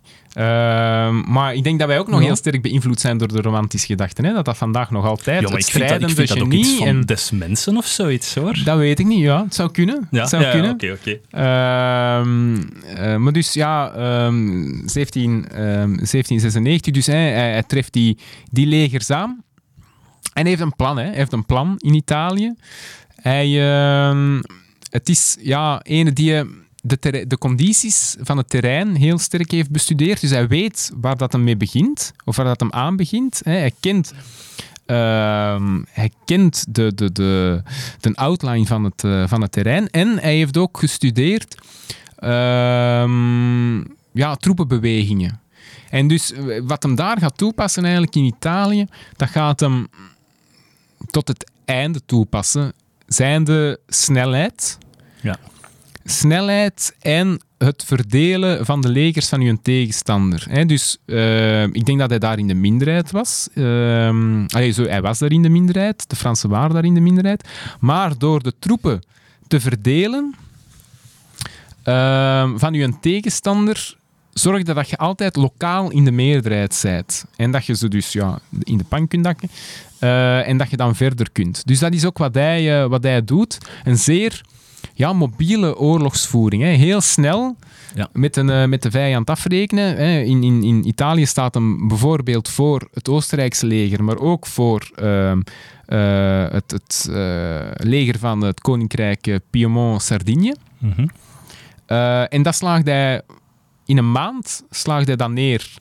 Dus hij zorgt ervoor dat hij inderdaad zijn troepen kan wringen tussen eh, die twee machten. En dus eh, Sardinië ligt er eh, in een maand ligt het Ja. eruit. Je had dat een keer goed uitgelegd en ik heb na- nadien ook gelezen, dus Ja. ik ga niet enkel op uw woorden af, dat hij ehm, zijn leger kon opsplitsen in kleine deellegertjes, Ja. die dat elk zowel artillerie als, als, als, Ja. als paarden hadden, als, als eh, gewoon voetvolk, en die dat dan op niet al te verre afstand van elkaar zaten, die Ja. ook heel snel bewogen. Ik denk iets van een 4 kilometer per uur en 40 kilometer per dag. Dat was gewoon wandelen, wandelen, wandelen de hele tijd. En dat hij, die, op, dat hij, dat hij die op heel korte tijd kon samenvoegen tot één monsterleger, of gewoon kon opsplitsen om daar deellegertjes van de anderen te verslaan. En dat zij daar niet op gewend waren. Zij waren altijd aan het wachten op de tegenstanders op één groot slagveld, Ja. zien dat heel het leger verzameld is, en dan aanvallen terwijl hij net op die snelheid ging. Ja, ja ah, wel, dus de oorlogsvoering op dat moment, je moet daar ook, ehm, die was heel star, hè. Ehm, in die zin, eh, ik ben daar geen specialist in, maar dus wat ik hoor in podcasts en, en, en, en op YouTube, ehm, dat die bijvoorbeeld ja, rij- en rusttijden hadden. In die zin, oké, zoveel uren marcheren en dan de blok erop, hè, dan moeten we rusten. En dan krijg je die dynamiek van ja, dat Franse leger, en dat is zeker niet Napoleon alleen, hè. of dat is niet Napoleon, dat is Ja. ook iets wat in de revolutionaire tijd, dus in de jaren negentig, ehm, uitgedacht wordt. Dat is die een dynamiek en het overboord gooien van die oude conventies. Eh, en, en snelheid is daar inderdaad een, een factor. Hè. Ehm, zoals je zei, de, Franse leger kan ehm 40 kilometer op een dag eh, marcheren. Eh, terwijl dat eh, de andere legers, ik heb het hier ergens opgeschreven, die waren gewend 11, ja, 11 mijl. Het is in mijl. Dus dat is maar 1,6. hè. Dus dat is ehm, ja, een 17, 17 of ja. zoiets. Eh, dus dat is ja, minder dan de helft. Hè. Ehm, dus die Ja. waren ehm, een pak trager dan, dan de Fransen. Het was een heel starre, starre oorlogsvoering. Een, een voorbeeldje daarvan ook nog. Ehm, Ja, wacht, hè. 40 kilometer. Je zou kunnen denken, oké, te voet à la limiet, wel met heel veel grief. Ik denk Ja, zo rond de 30 kilo. maar, ja, dat is zot, hè. maar ook uw kanonnen, hè. ja, ja, ja. 40 kilometer per dag. Ja, Ah, ja. ja. Ja, ja, maar dat is op zich, dat is een... Allee, Ubermensje, weet je, dat is waarschijnlijk gewoon de mens. Hè? De mens kan dat, als hem daarop Ja, maar traint. moeten toch allemaal bergen geweest zijn? Ja, maar, ja, maar ik denk ehm, ja, dat, dat wij dat waarschijnlijk ook wel zouden kunnen. Of, of toch veel onder ons dat zouden kunnen. Als je anders een kogel krijgt, dan doe je Ja. dat wel, ja. Ja, effectief. Maar ook gewoon, het is trainen, hè. Je zet dat gewoon, hè. Dus uiteraard, wij zijn niet gewoon om, om, om 40 kilometer te, te wandelen. Eh, laat staan met 30 kilo bagage. Maar oké, dat is iets, ja... Hoe, hoe rekbaar de mens is, denk Ja. ik dat je daar ook wel ziet. Dus, zwart. Ehm, dus, eh, dus die snelheid, hè, dat, dat was ene factor. De andere factor... ehm, en Napoleon gaat dat ergens wel op punt stellen, maar dat was ook een beweging die zeker al aan de gang was was effectief autonome componenten in uw leger. Hè, de eerste divisies, dan worden dat korpsen, wordt dat nog groter. Maar dat waren... Excuus. Dat waren... ehm, ja, ergens autonome entiteiten met cavalerie. Eh, we verschillende definities. De divisies hadden elk een cavalerie, elk infanterie, elk artillerie. Dus wat autonome componenten. En die konden in het optrekken of in het bewegen van punt A naar punt B, konden die dus onafhankelijk van elkaar opereren. Wat betekent dat je niet over één lijn moet eh, lopen, hè, waar dat dan ook al je bevoorrading, want eh, de Franse legers rekenden nogal zeer sterk ook op de vo- bevoorrading ter plaatse. Ah, ja. Eh, en Als je dan bij met 100.000 man passeert in een dorp als Kortenberg, is dat meteen leeg. Maar als er Voilà. hier 30.000 man passeert... Voilà, en, Ja. en nog wat links en nog wat rechts. Ja. Dus dat, was, hè, dat deed men dan, kon men veel sneller eh, oprukken. Ehm, en als men dan het vijandelijke leger tegenkwam, was het de bedoeling dat dat vijandelijke leger gefixeerd werd door één divisie. Eh, en divisie, dat was de bedoeling. Een divisie zou het plus-minus een dag moeten kunnen uithouden. Ah, ja. Dat is uiteraard veel kleiner dan dat vijandelijke leger. Maar het zou plus-minus een dag moeten kunnen uithouden. Wat de andere divisies of de andere korpsen de mogelijkheid geeft om in die een dag, en dat was dan ook de bedoeling dat je maar een dag van elkaar verwijderd was, een dag marcheren van elkaar verwijderd was, om ja, het vijandelijke leger te omsingelen. Hè. Dus dat was het idee dat, daar, eh, dat erachter Wat dat zat. wel ver is, hè? een dag verwijderd, dat zou willen zeggen dat je een mini-leger in Brussel kunt hebben en een ander mini-leger in Leuven. En, en Zoiets, ja. allee, ja, je kunt Ja. dan een heel grote lijn bewandelen eigenlijk. Ja, ja, ja, ja effectief. effectief ja, ja, dat waren honderden, eh allee, of honderd kilometer kon dat zijn, hè, dat uw front eh, eigenlijk uit elkaar eh, lag. Maar dat effectief dus ervoor zorgde dat men heel snel kon oprukken. Ja. En heel snel die een, die een harmonica of die een accordeon terug in elkaar kon doen plooien. Hè. Oké. Ehm, en dat werpt zijn vruchten af in Italië. Ja, wel, of dat, dat, op dat moment was het ook al gewoon een klein leger. Hè? Dus of dat, op dat moment eh, van het, het verdelen van uw troepen zoveel een rol heeft gespeeld. Ik denk dat op dat moment echt de, de snelheid eh, vooral was. Hè? Dat men met het Franse leger ehm, omtrekkende bewegingen maakte, de snelheid. Ehm, maar dat effect- effectief heeft dat eh, heel veel succes gehad daar. Wordt ook gezien als de Italiaanse campagne van Napoleon als ehm, ja, een van de grote campagnes uit de geschiedenis. Hè. De, de, de Caesar-campagne in Gallië bijvoorbeeld. Allee, dat is een van de, de grote campagnes. Hij wint daar ja, de ene slag na de andere. Ehm, en zo sterk zijn, wa- want dus de Oostenrijkers of de Habsburgers, die sturen dan het ene leger, ik denk in totaal een vijftal legers, dat ze zijn richting uitsturen, hè, want hij verslaat die dan elke keer. En één voor één worden die dus eh, verslagen. Eh, zo sterk zelfs dat hij, ehm, ja, dat dat eigenlijk het hoofdtoneel wordt. Hè. Dus hij was echt gewoon, hij houdt ze bezig, hè. hij houdt de Oostenrijkers bezig. Hij was, was een zijtoneel, maar hij zorgt ervoor dat hij echt het hoofdtoneel wordt. Ehm, dat hij ja, naar, naar eh, Oost-Italië, Noordoost-Italië kan, kan oprukken. Eh, en dat hij uiteindelijk niet meer al te ver van Wenen dan komt. Wacht, hè. Maar je zit daar nog altijd met een, met een leger dat, dat geen schoenen heeft, geen uniformen. Ja, Ehm, in het begin, hè? Ja, ja, Maar dus, Hoe komt dat die dan aan hun... ja gewoon eh, veroveren, hè? Plunderen. En, en ja, voilà, plunderen, ja. voor een heel groot deel. Want dat wordt altijd ja. zo... Nee, nee, inderdaad. Ja, men leeft daar ergens van het Italiaanse, Italiaanse platteland. eh, leeft men daar heel sterk, hè? Dus het En plunderen is er zeker toe, bij. uiteraard. Ja, eh, wel gecontroleerd hoor. Dus eh, ik denk af en toe worden er iets wat plunderaars gefusilleerd. Ja. Ehm, dus ik denk dat wel binnen marges, eh, wel binnen marges was, maar ja, het, is, eh, men, leeft daar, men leeft daar van het land. Oké, Ja. daarmee dat dat volk ook... Allee, de, de militairen ook denken, oké, we krijgen tenminste Ja, ja, eindelijk ja, eens iets we worden terug betaald. Ja, ja, ja, effectief. Ja, dat zo- motiveert. eh, dat Hij heeft ook zo'n toespraak gedaan van de, de, de Franse staat heeft nooit iets voor jullie gedaan Ja, ja, of nooit wel, iets voor jullie betekend. Ja. dat is in het begin, in Nice dus inderdaad, ehm, dat, hem die, eh, dat hem die opzweept. Ja, en dus... ehm, Maar dus zijn, zijn, eigenlijk zijn zijtoneelleger ja. is al de hete adem in de nek van Wenen. Ja, ja, Zo ja. ver kan het zelfs al gaan. Ja, ja, effectief, effectief. Ja, ja, dus Wenen komt ergens binnen bereik, ehm, stilletjes aan. Eh, en het is hij dan ook die uiteindelijk eh, ja, die een oorlog zal afsluiten en, en vredesonder, naar vredesonderhandelingen toe gaat gaan, zonder dat dat eigenlijk gebackt is door ehm, eh, personen in Parijs. Ja, hij doet dat dan eigenlijk cavalier seul.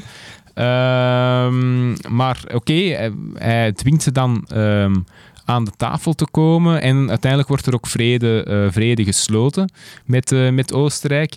Wat een stuk, eh, ja, die, die, eerste, die eerste coalitieoorlog, die eerste grote oorlog tegen Frankrijk ook tot een, tot een einde brengt. Is het de vrede van Campo Formio? ja Dat was toch redelijk vergaand, wat hij daar allemaal in heeft vastgelegd. Hè? België en Nederland gaan naar, naar Frankrijk. Ja.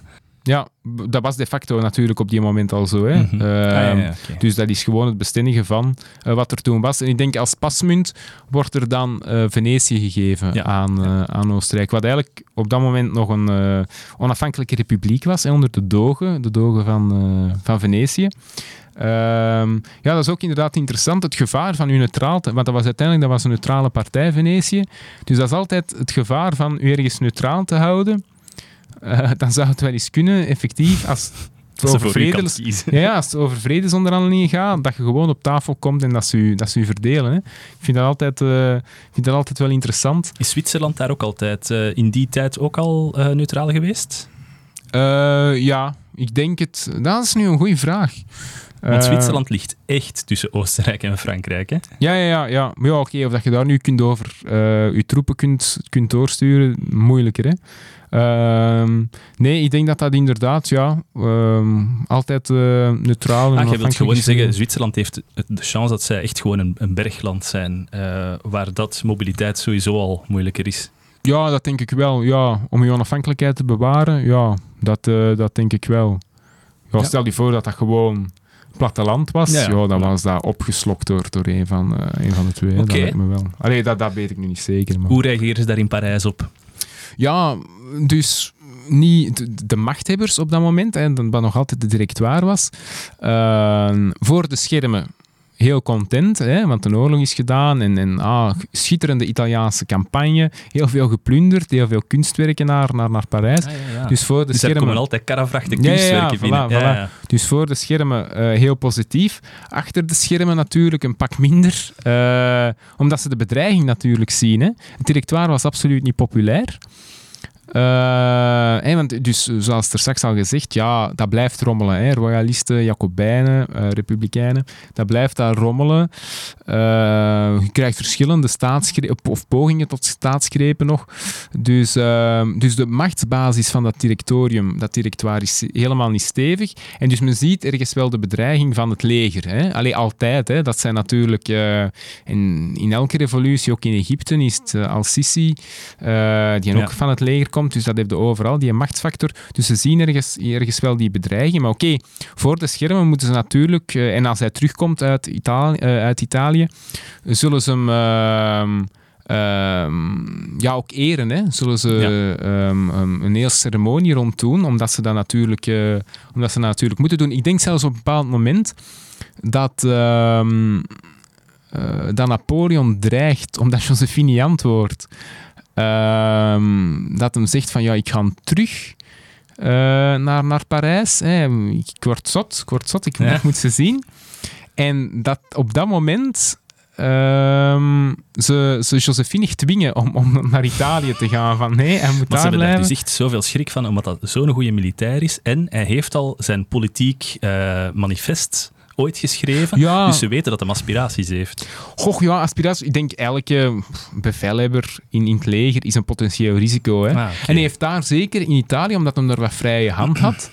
Eh, en hij verovert daar echt gebieden, hè, Lombardije en zo. Hij verovert dat dan allemaal. En hij gaat daar ja, ook weer autonome republieken wat oprichten. Wat ook in, in eh, Nederland was, je de Bataafse Republiek. Dus hij doet dat zelf, hetzelfde wat in, in Italië. En hij begint daar ja, wat te plak te zwaaien. Hè. Dus ik denk op dat moment, ja, daar voor de eerste keer mm, ja, experimenteert hem daar wel wat mee. Met ook echt de burgerlijke macht.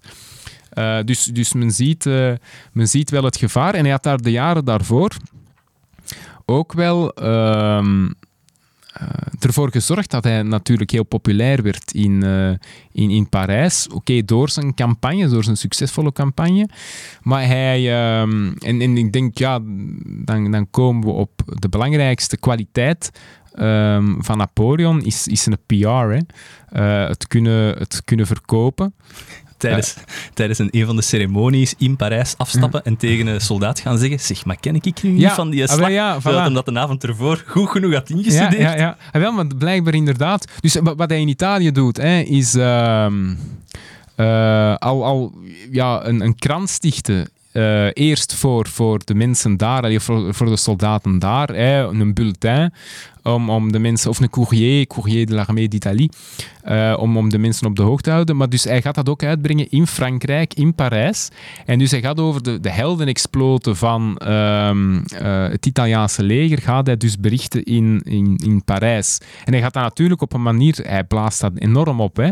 Ehm, hij, eh, hij, maakt, ja, ik zeg het, hij maakt daar echt helden of mythische, mythische verhalen van. Maar dat werkt natuurlijk. Dat werkt natuurlijk heel hard. Ook icon, eh, iconografie, hè, de, de, de, de schilderijen die er van hem geproduceerd worden. Eh, je hebt het heel bekende schilderij van eh, Le Gros, dat hij met de vaandel, de Franse vaandel in de hand, hè, op de brug staat om naar, naar de, het vijandelijke leger te De brug lopen. van Lodi. Ja, ik denk, denk, denk dat schilderij van Arcola... Maar inderdaad, je hebt dat, hetzelfde, je hebt dat twee keer Ah, gehad. ja, ja, ja, oké, Twee keer een brug, maar in, ik denk het schilderij gaat over Arcola. Ehm, maar dus hetzelfde, ja. Ehm, dat is ja, de, de, mythische held, hè? De, de, de antieke held. En dat is iets wat hij heel sterk eh, propageert. Ehm, en, en dus effectief ook die band met de, met de soldaten. Ehm, hij kon dan schrijven van, ah ja, en de, Steven verbijst. Hij heeft zich eh, in, het, in de strijd, ja, zo kennen we in de strijd geworpen. En hij was eh, één man tegen tien en hij is dan gestorven voor het vaderland, et cetera. Dus hij, hij pikte daar dan wat, wat individuele verhalen uit om het allemaal wat, wat cachet te geven.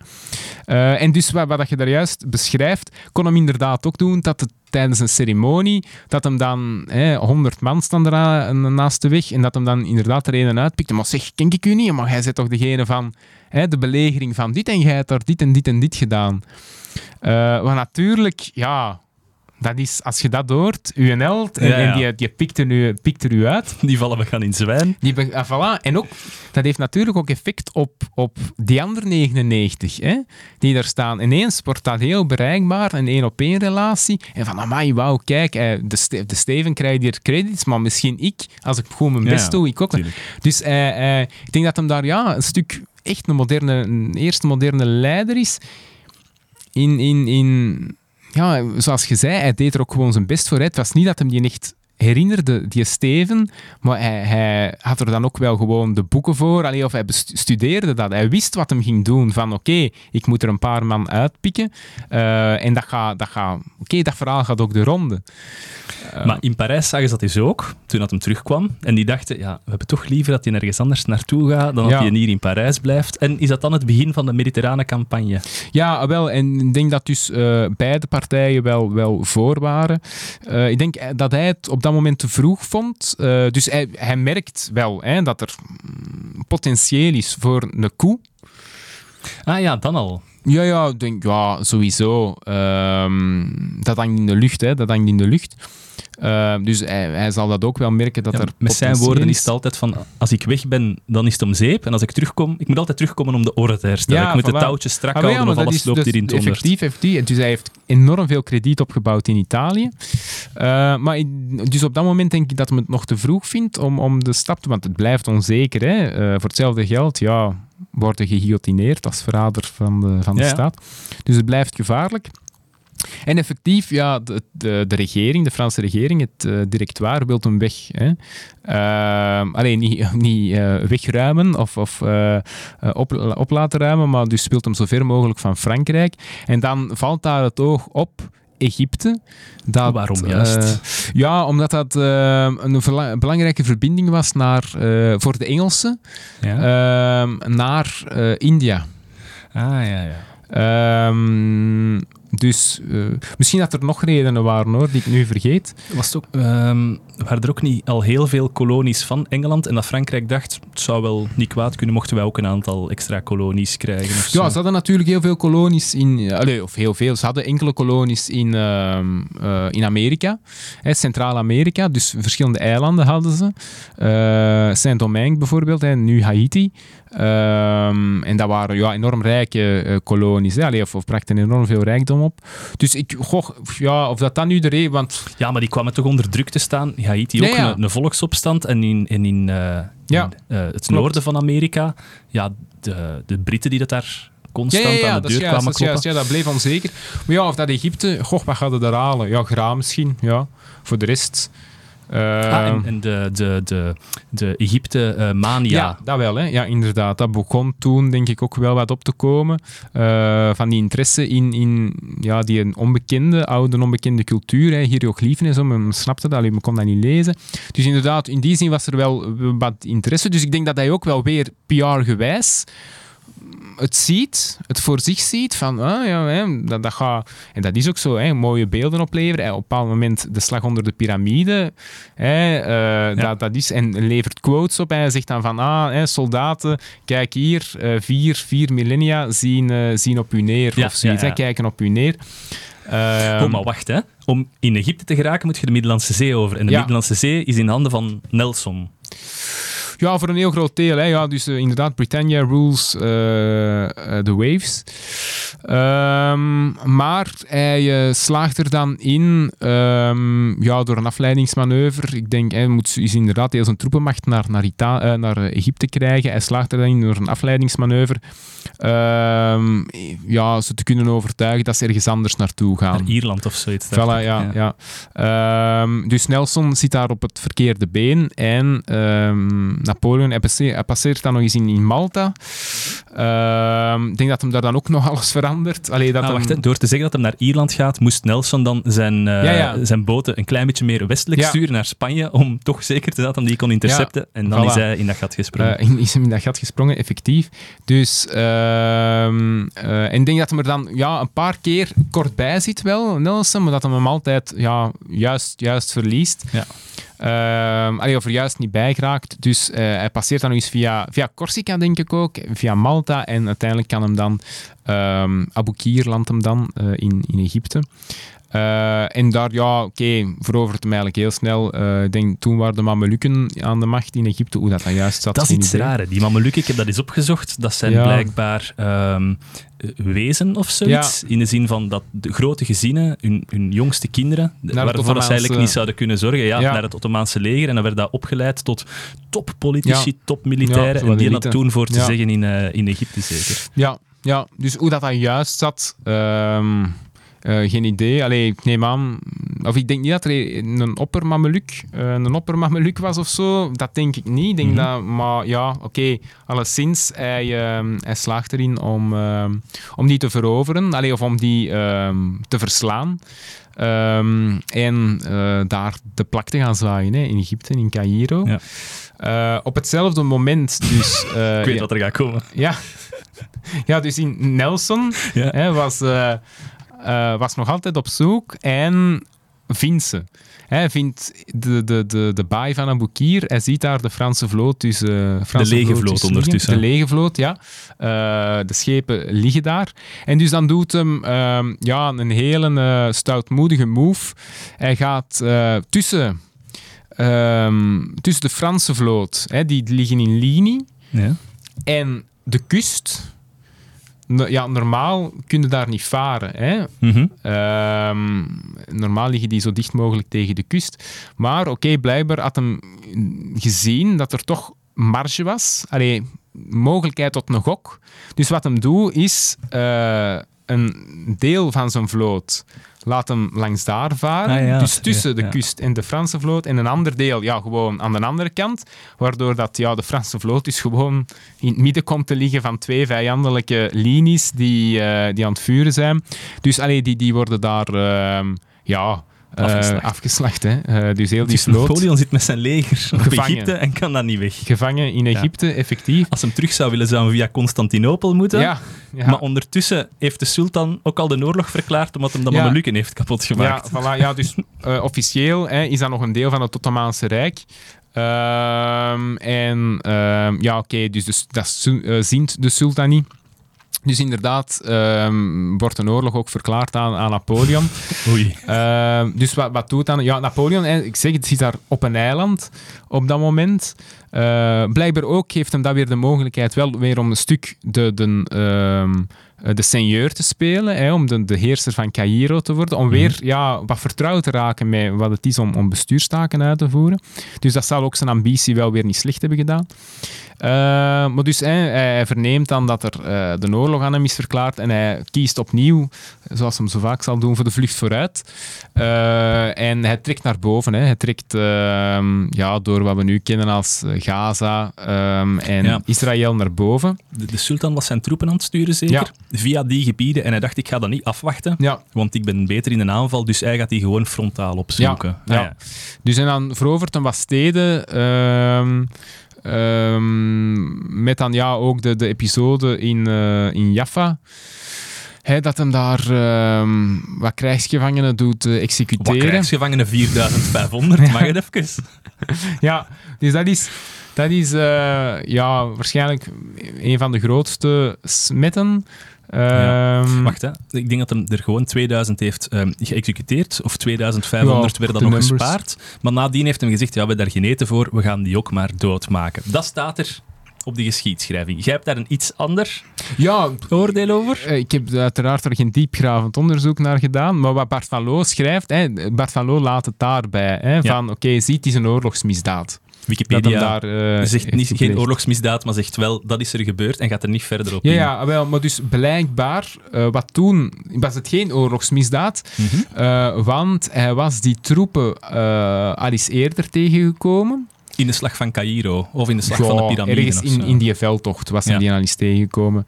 Ehm, hij had die toen verslagen en blijkbaar was toen de, de afspraak, of toch daar de afspraak, ehm, in, in, eh, in het Ottomaanse Rijk. Oké, je kon dan worden vrijgelaten, maar dat was dan onder eh, de, de voorwaarde dat je nimmer de wapens opnam tegen. Ehm. En als je dat dan wel deed, ja, dan was uw, ehm, uw, lege- uw leven ja, vogelvrij. Hè?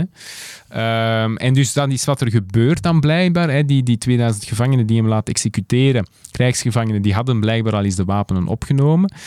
Eh, dus een oorlogsmisdaad was het niet. Ehm, blijkbaar. Oké, blijft natuurlijk Verwerpelijk. verwerpelijk. hè? En dus dat is hem dan ook gezegd door, door eh, verschillende officieren. Hebben dat geprobeerd hem uit het hoofd te praten. Anderzijds, oké, zitten dan ook met de, de, de, de realiteit dat blijkbaar er ook geen voedsel was voor en zijn troepen en, en die, die gevangenen. Dus ehm, Maar in Malta heeft hem wel 2000 slaven bevrijd, vooraleer dat hem dus in Cairo aankwam. ah, heeft ja, hem wel dat. ja, dus dat zal... Ja, het, ja, dat balanceert. dat dat, balanceert. moeilijk, maar... Nee, ja, het is, het is een man van tegen. Allee, iedere mens hè, is, is een vat vol tegenstrijdigheden. En ook daar, ja, hij, neemt, hij maakt daar een keuze. Eh, misschien was er geen andere keuze. Ja, het is, het is iets. Je moet het meenemen hè, als je hem evalueert. Maar dat is geen- dat is geen- triviale beslissing, hè. 4500 man. Je moet daar al logistiek over beginnen nadenken, hoe dat je die gaat, gaat afmaken. Dat is Ja. niet gewoon in de woestijn sturen. Nee, zoveel kogels zijn er waarschijnlijk ook niet. Dus je moet echt al beginnen nadenken van wat als de kogels op zijn. Ja. Allee, ik bedoel gewoon, hoe meer dat je erover moet beginnen nadenken, hoe meer ruimte dat je hebt om op een bepaald moment te zeggen Jij is zo de, de man die erover nadenkt. We gaan- Ja, we hoe gaan- gaan we die genocide? Nee, nee, nee, Jij nee, nee, nee, nee, nee, nee, 42. maar nee, ik wil gewoon zeggen, je Oké, moet daarover nadenken. Ik en- wil meegaan in uw idee, En maar... door, doordat je erover nadenkt, kun je tot inkeer komen. Ja, je ja. hebt de voldoende ruimte om te beslissen. Nee, misschien gaan we het Misschien toch niet doen. Ja, nee. ehm zeg, hoe- concreet de situatie daar was, ja, dat Ja. weet ik ook niet. Maar er wordt beslist ja, om effectief die, die gevangenen eh, te executeren. Ik denk dat ze, ze, ze schieten ze gewoon dood, hè. Ehm, denk ik.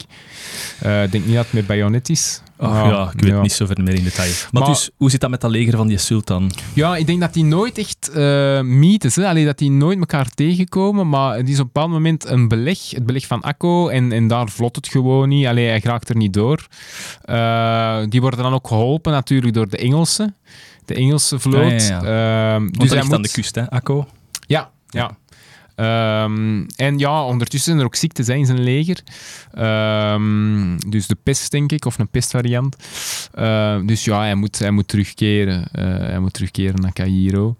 Ehm, en ja, dat, eh, dat is wat hem doet. En uiteindelijk dan, ja, in Cairo, hij verneemt dan weer eh, dat, het, eh, dat er weer troubles zijn in, in Frankrijk. Dat Oostenrijk terug de oorlog heeft verklaard aan, aan, aan Frankrijk. hè. Het was enkele jaren daarvoor. Had hij eigenlijk de oorlog beslecht, had hij vrede gesloten. Dus Oostenrijk heeft terug de oorlog verklaard. En dus hij voelt ergens, ja, het is, het is misschien de moment dat ik, eh, dat ik terug ga. Nu natuurlijk, hè, zo'n hele vloot was vernietigd. Ah, ja.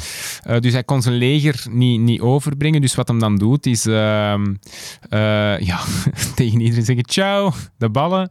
En met dan een paar vertrouwelingen ehm, ja, gaat hem dan aan boord van een schip. En, Ah ja, met één schip kun je er gemakkelijker door dan met een ja, ja, volledige vloot. voilà, ja. En dus keert hem terug. Dus zijn leger blijft daarachter. Eh, maar hij keert terug Gaat hem een paar eh, keer doen hè, in zijn carrière. Tegen zijn leger zeggen, ciao, ik zeg even Eh, weg. ja, ja, ja. Ja, hij doet dat in 1812 doet hem dat inderdaad ook. In ja. Rusland. In Rusland. Ja, natuurlijk, dan waren ze al een stuk ver. Alleen dan waren ze al op een terugtocht. Het is niet dat hij in Moskou dat zei, maar inderdaad, ja, ja dat zou hem terug doen. Nee, ja, klopt. En hij komt dan in Frankrijk terug. En dan beginnen de voorbereidingen voor, ehm, voor de koe. Hè. Dus, eh, dus, Hij wordt daar gecontacteerd door Ja. denk ik. Ja. Eh, Ja, een van de directeurs. Ja, dat was dus een van de... Ja, de vijf gaat dus in dat directoire, de vijf, ehm, vijf man. En twee daarvan, Sieyès en eh, Talleyrand, die zeggen op een bepaald moment, we moeten dat hier omvormen. Waarom zeggen die twee, direct, dat waren toch twee directeurs, hè? Uh, Talleyrand was de, de, de minister, denk ik, van eh, Buitenlandse Zaken op dat moment. Allee, of zal het toch en wil zeker dat zeggen worden? dat je dan in het directoire nee, nee, dat, eh, Ah, dat ja, niet. ja. dat niet. Nee, dus gaat eh, gaat ehm ehm, Barra, uiteraard. Ehm, wie hadden dan nog? Ducot, zeker?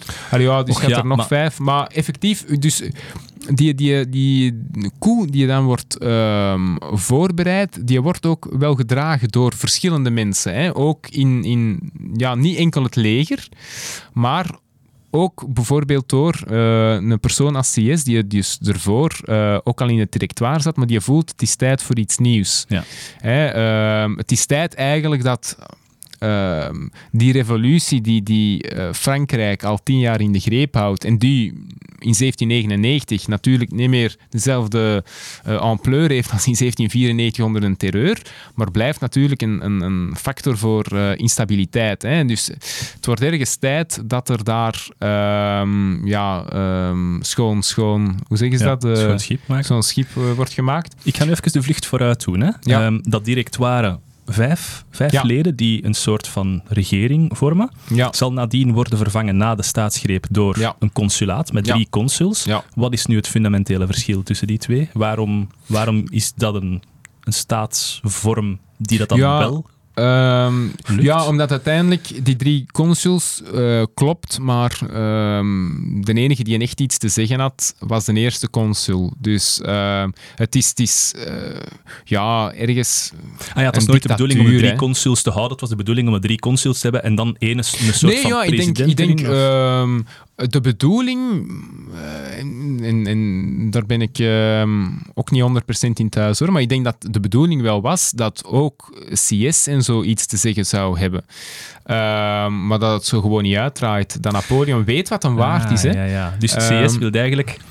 CS wil een staatsgreep doen met Ja. zijn kompanen, maar hij heeft militaire macht nodig. Ja. Dus hij gaat naar Napoleon. En zwaard, hè, Napoleon dat zegt hem zelf, ik heb een zwaard nodig. Hij heeft een zwaard nodig. En Napoleon denkt, ja vriend, dat is allemaal goed en wel, maar jij weet dat ik hier de sterke man ben. Hè? Ja. Dus Napoleon denkt, ik ga meedoen met de staatsgreep, maar als het lukt, ga ik nog een keer een staatsgreep Ah, doen door de macht te nemen in het consulaat. Voilà. Ah, ja. Ik denk dat je het zo moet bekijken. Ja, ik denk dat dat en vaak gebeurt. Hè. Om, eh, om, ja, de parallel met Hitler gaat natuurlijk eh, niet op. Hè. Eh, dat wordt heel vaak vergeleken met Hitler. Maar daar, op dat punt denk ik wel. Hitler is ook ja. ergens aan de macht gekomen in de filosofie van oké, dan kunnen we hem controleren. Of we zullen hem wel controleren. Hè. Eh, na, na een periode van heel grote instabiliteit, verschillende kanseliers eh, in 1933 die elkaar opvolgen.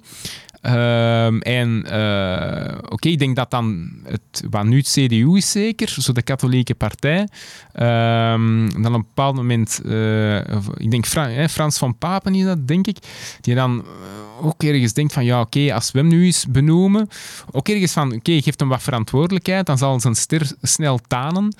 Eh, we houden hem wel onder controle. Oké, we spreken dan, eh, als ik mij niet vergis, 30 januari eh, 1933 dat hem aan de macht komt. En in eind maart 1933 is er geen democratie meer, hè, Ja. is het een dictatuur. Ik denk dat dat een stuk hetzelfde is van Napoleon. Ze denken, eh, het is een pion, maar Napoleon eh, weet heel goed dus wat hem waard is. En, eh, en eh, ja, trekt eigenlijk, eh, allee, of kan, kan heel snel de macht naar zich toe trekken. Ja. Eh, ook constitutioneel, het stelsel dat wordt uitgedacht. Er zijn drie consuls, maar eigenlijk de eerste consul is de enige die ertoe doet en dat wordt, eh, dat wordt Napoleon. Deze ochtend, toen dat ik kwam aan naar Brussel-Noord, omdat de treinen vertraging Ja, hadden en ja. geraakten hier Dank niet, u, was ik aan het luisteren naar een aflevering van, een van de afleveringen van Johan Op de Beek over Mhm. dus Napoleon. En het ging daar over ehm, die staatsgreep, die coup.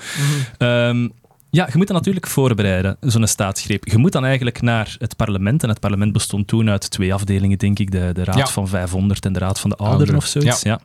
Eh, en je moet daar naartoe gaan en je moet die mensen wijsmaken dat er iets op til is. Eigenlijk, je moet alles op voorhand voorbereiden. Ja. En dat was dus hè, bij, bij de woning van Napoleon en Josephine, die dat daar iedereen Ja. ontving. De goede En, ehm, ja, ja. Ja, je moet dat natuurlijk aan de gevestigde orde, je plannen al een klein beetje gaan zeggen, aan, aan, aan, uw, aan uw echte vertrouwenspersonen Ja. gaan zeggen, mannen, we zijn hier iets van plan, er een eventueel zin om mee te gaan. Sommige mensen knikken ja, sommige mensen zeggen, dat is hier wel heel gevaarlijk wat dat gaan doen zijn. Ja, ja. Maar dus, ze komen het overeen. Wat zijn ze van plan? Ze zijn van plan om te zeggen tegen dat parlement dat de Jacobijnen, ik denk dat dat een heel Mhm. radicale vorm is van de, van de revolutionairen, Ja, dat de republikeinen. Een ja. coup overwegen. Ja, van Ja. de republikeinen. Dat, Wat, dat, wat niet zo uit de lucht was gegrepen, in die zin. een paar keer gedaan hadden. Ja. Dus ze zeggen, ah, er, eh, ik, denk, ik denk dat ze naar, naar het parlement zelf gaan en ze gaan daar gaan zeggen, ehm, mannen, er is hier iets op til. Ehm, Hm. Zou het niet beter zijn, mochten jullie allemaal even een beetje uit Parijs gaan, Saint-Cloud, Ja, naar Saint-Cloud gaan, ehm, en dan kunnen we daar zien hoe dat we met die eventuele staatsgreep omgaan. ja. Oké, ja, ze volgen hem dan al. Dat is, ja, dat is natuurlijk niet happy. Hè. Er zijn veel morrende mensen. Ja. Ehm, en en, en ze, ze zijn ook al aan het twijfelen van, is dat allemaal wel waar? Maar ja, veel informatie hebben ze niet om, eh, om, om op Mhm. af te gaan. Ze komen daaraan toe in Saint-Cloud. En dan be- beginnen de meeste mensen van die twee kamers door te hebben dat er eigenlijk iets anders op til is. Ja. Dat de mensen die dat hun naar Saint-Cloud hebben gebracht, dat dat eigenlijk degenen Ja. zijn die dat een coup aan het voorbereiden zijn. Hoe is, is, dat, is dat waarheidsgetrouw? Zit het zo ja, in dat is elkaar? waar. Ja, ja. ja, ik was nu juist aan het denken, ergens dat ehm, ehm, hetzelfde in, in de film Valkyrie van, eh, van Stauffenberg Ja. tegen, tegen Hitler. Ja. Je ook zo'n scène, ik weet niet of dat die waarheidsgetrouw is, ehm, maar dat er eh, bericht wordt van een coup. Ja. Dus dat het in het binnenlands leger dan zogezegd dingen moet gaan, Geubels en zo gaan moeten arresteren. En ehm, dat hem dan, die commandant van dat Binnenlands leger, op een bepaald moment dan doorheeft van, maar wij worden hier gewoon ingezet. Ja. En dat er dan een ondergeschikte vraagt van, oeh, maar is er dan geen koe? En dat hem dan antwoordt, wij zijn de koe. Ja, ja. Hele goede film Ja. wel, hè? Ja, ja, ja. ja. Oh. Dat is, eh, ja, ja, Goed ja. gedaan. Ja, dat is een, een leuke film. Dus maar dat is inderdaad wat, ehm, wat hetzelfde. Men, men zegt een koe te verijdelen, maar inderdaad, men pleegt op, dat, op die manier pleegt hem, pleegt hem een koe. Hè. En ze zetten daar Napoleon voor in, dus in het paleis Ja. van Saint-Cloud, een klein beetje buiten Parijs, zitten dan die twee kamers apart eh, Ja. samen. En Napoleon moet het daar gaan uitleggen, omdat Napoleon zo wat de populaire gast is op dat moment. Ja, en hij was aangesteld voor de bescherming hè, van, Oh, ja. ehm, van, van de twee kamers. Het ja. probleem is, Napoleon kan de ballen praten voor een groot publiek Ja. en begint daar zo wat te stotteren en komt niet echt uit zijn woorden en hij wordt daar bijna gelyncht. Ja, ja, blijkbaar. Ja, er stond ook een koets klaar met zes paarden om, als, alles, alles fout ging, snel weg te wat, gaan. Wat nog altijd een mogelijkheid was, hè, inderdaad. maar ja, zijn broer Lucien stapt dan in en, ja, en- ja, Lucien was ehm, de voorzitter van de eh, Raad van 500. Ah ja, oké, Eh, oké. ja, dus de, de ehm, Tweede Kamer of de Lagere Kamer, allee, Ja, de Lower House, eh, zouden kunnen zeggen. Hij was er de voorzitter van. Hij wa- was ook ergens mee in, de, in het, het aansteken van de, de, de raden of het parlement om ehm, het verhaal te laten geloven dat er een koe was gepland.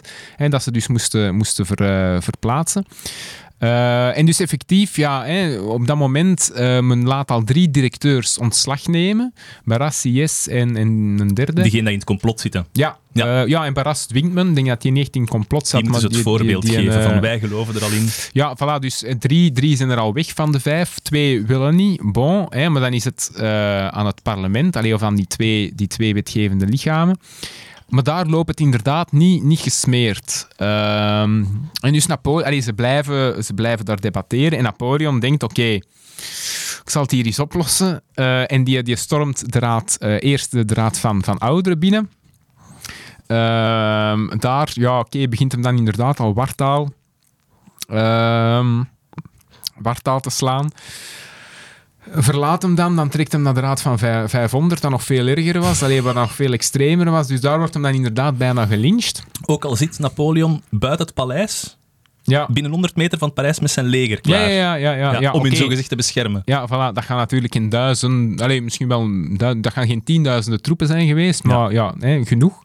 Ehm, nee, en dan, ehm, dus ja, moet hem daar ook, wordt hem daar inderdaad bijna gelyncht, moet hem daar eh, vertrekken, begint hem daar te stamelen. En mensen roepen Robespierre, hè, dus eh, een nieuwe dictator, Oh, hè, we willen ja. niet. Dus op dat moment heel gevaarlijk. En het is dan Lucien, Zijn broer. Bonaparte, zijn Ja. broer, zijn jongere broer, die ehm, hem redt hè, en die naar het leger, eh, het aanwezige of de aanwezige militairen, gaat zeggen, ze hebben een, eh, er zitten zotten in het parlement, Eh, ze, hebben, hè, ze willen Napoleon vermoorden, ze hebben eigenlijk, eigenlijk willen die zotten de, de, de staat omverwerpen. Hè, dus het is nu aan jullie om eh, orde op zaken te stellen om de staat te redden, hè, om Frankrijk te redden. Ehm, en dan, dan zeer eh, melodramatisch.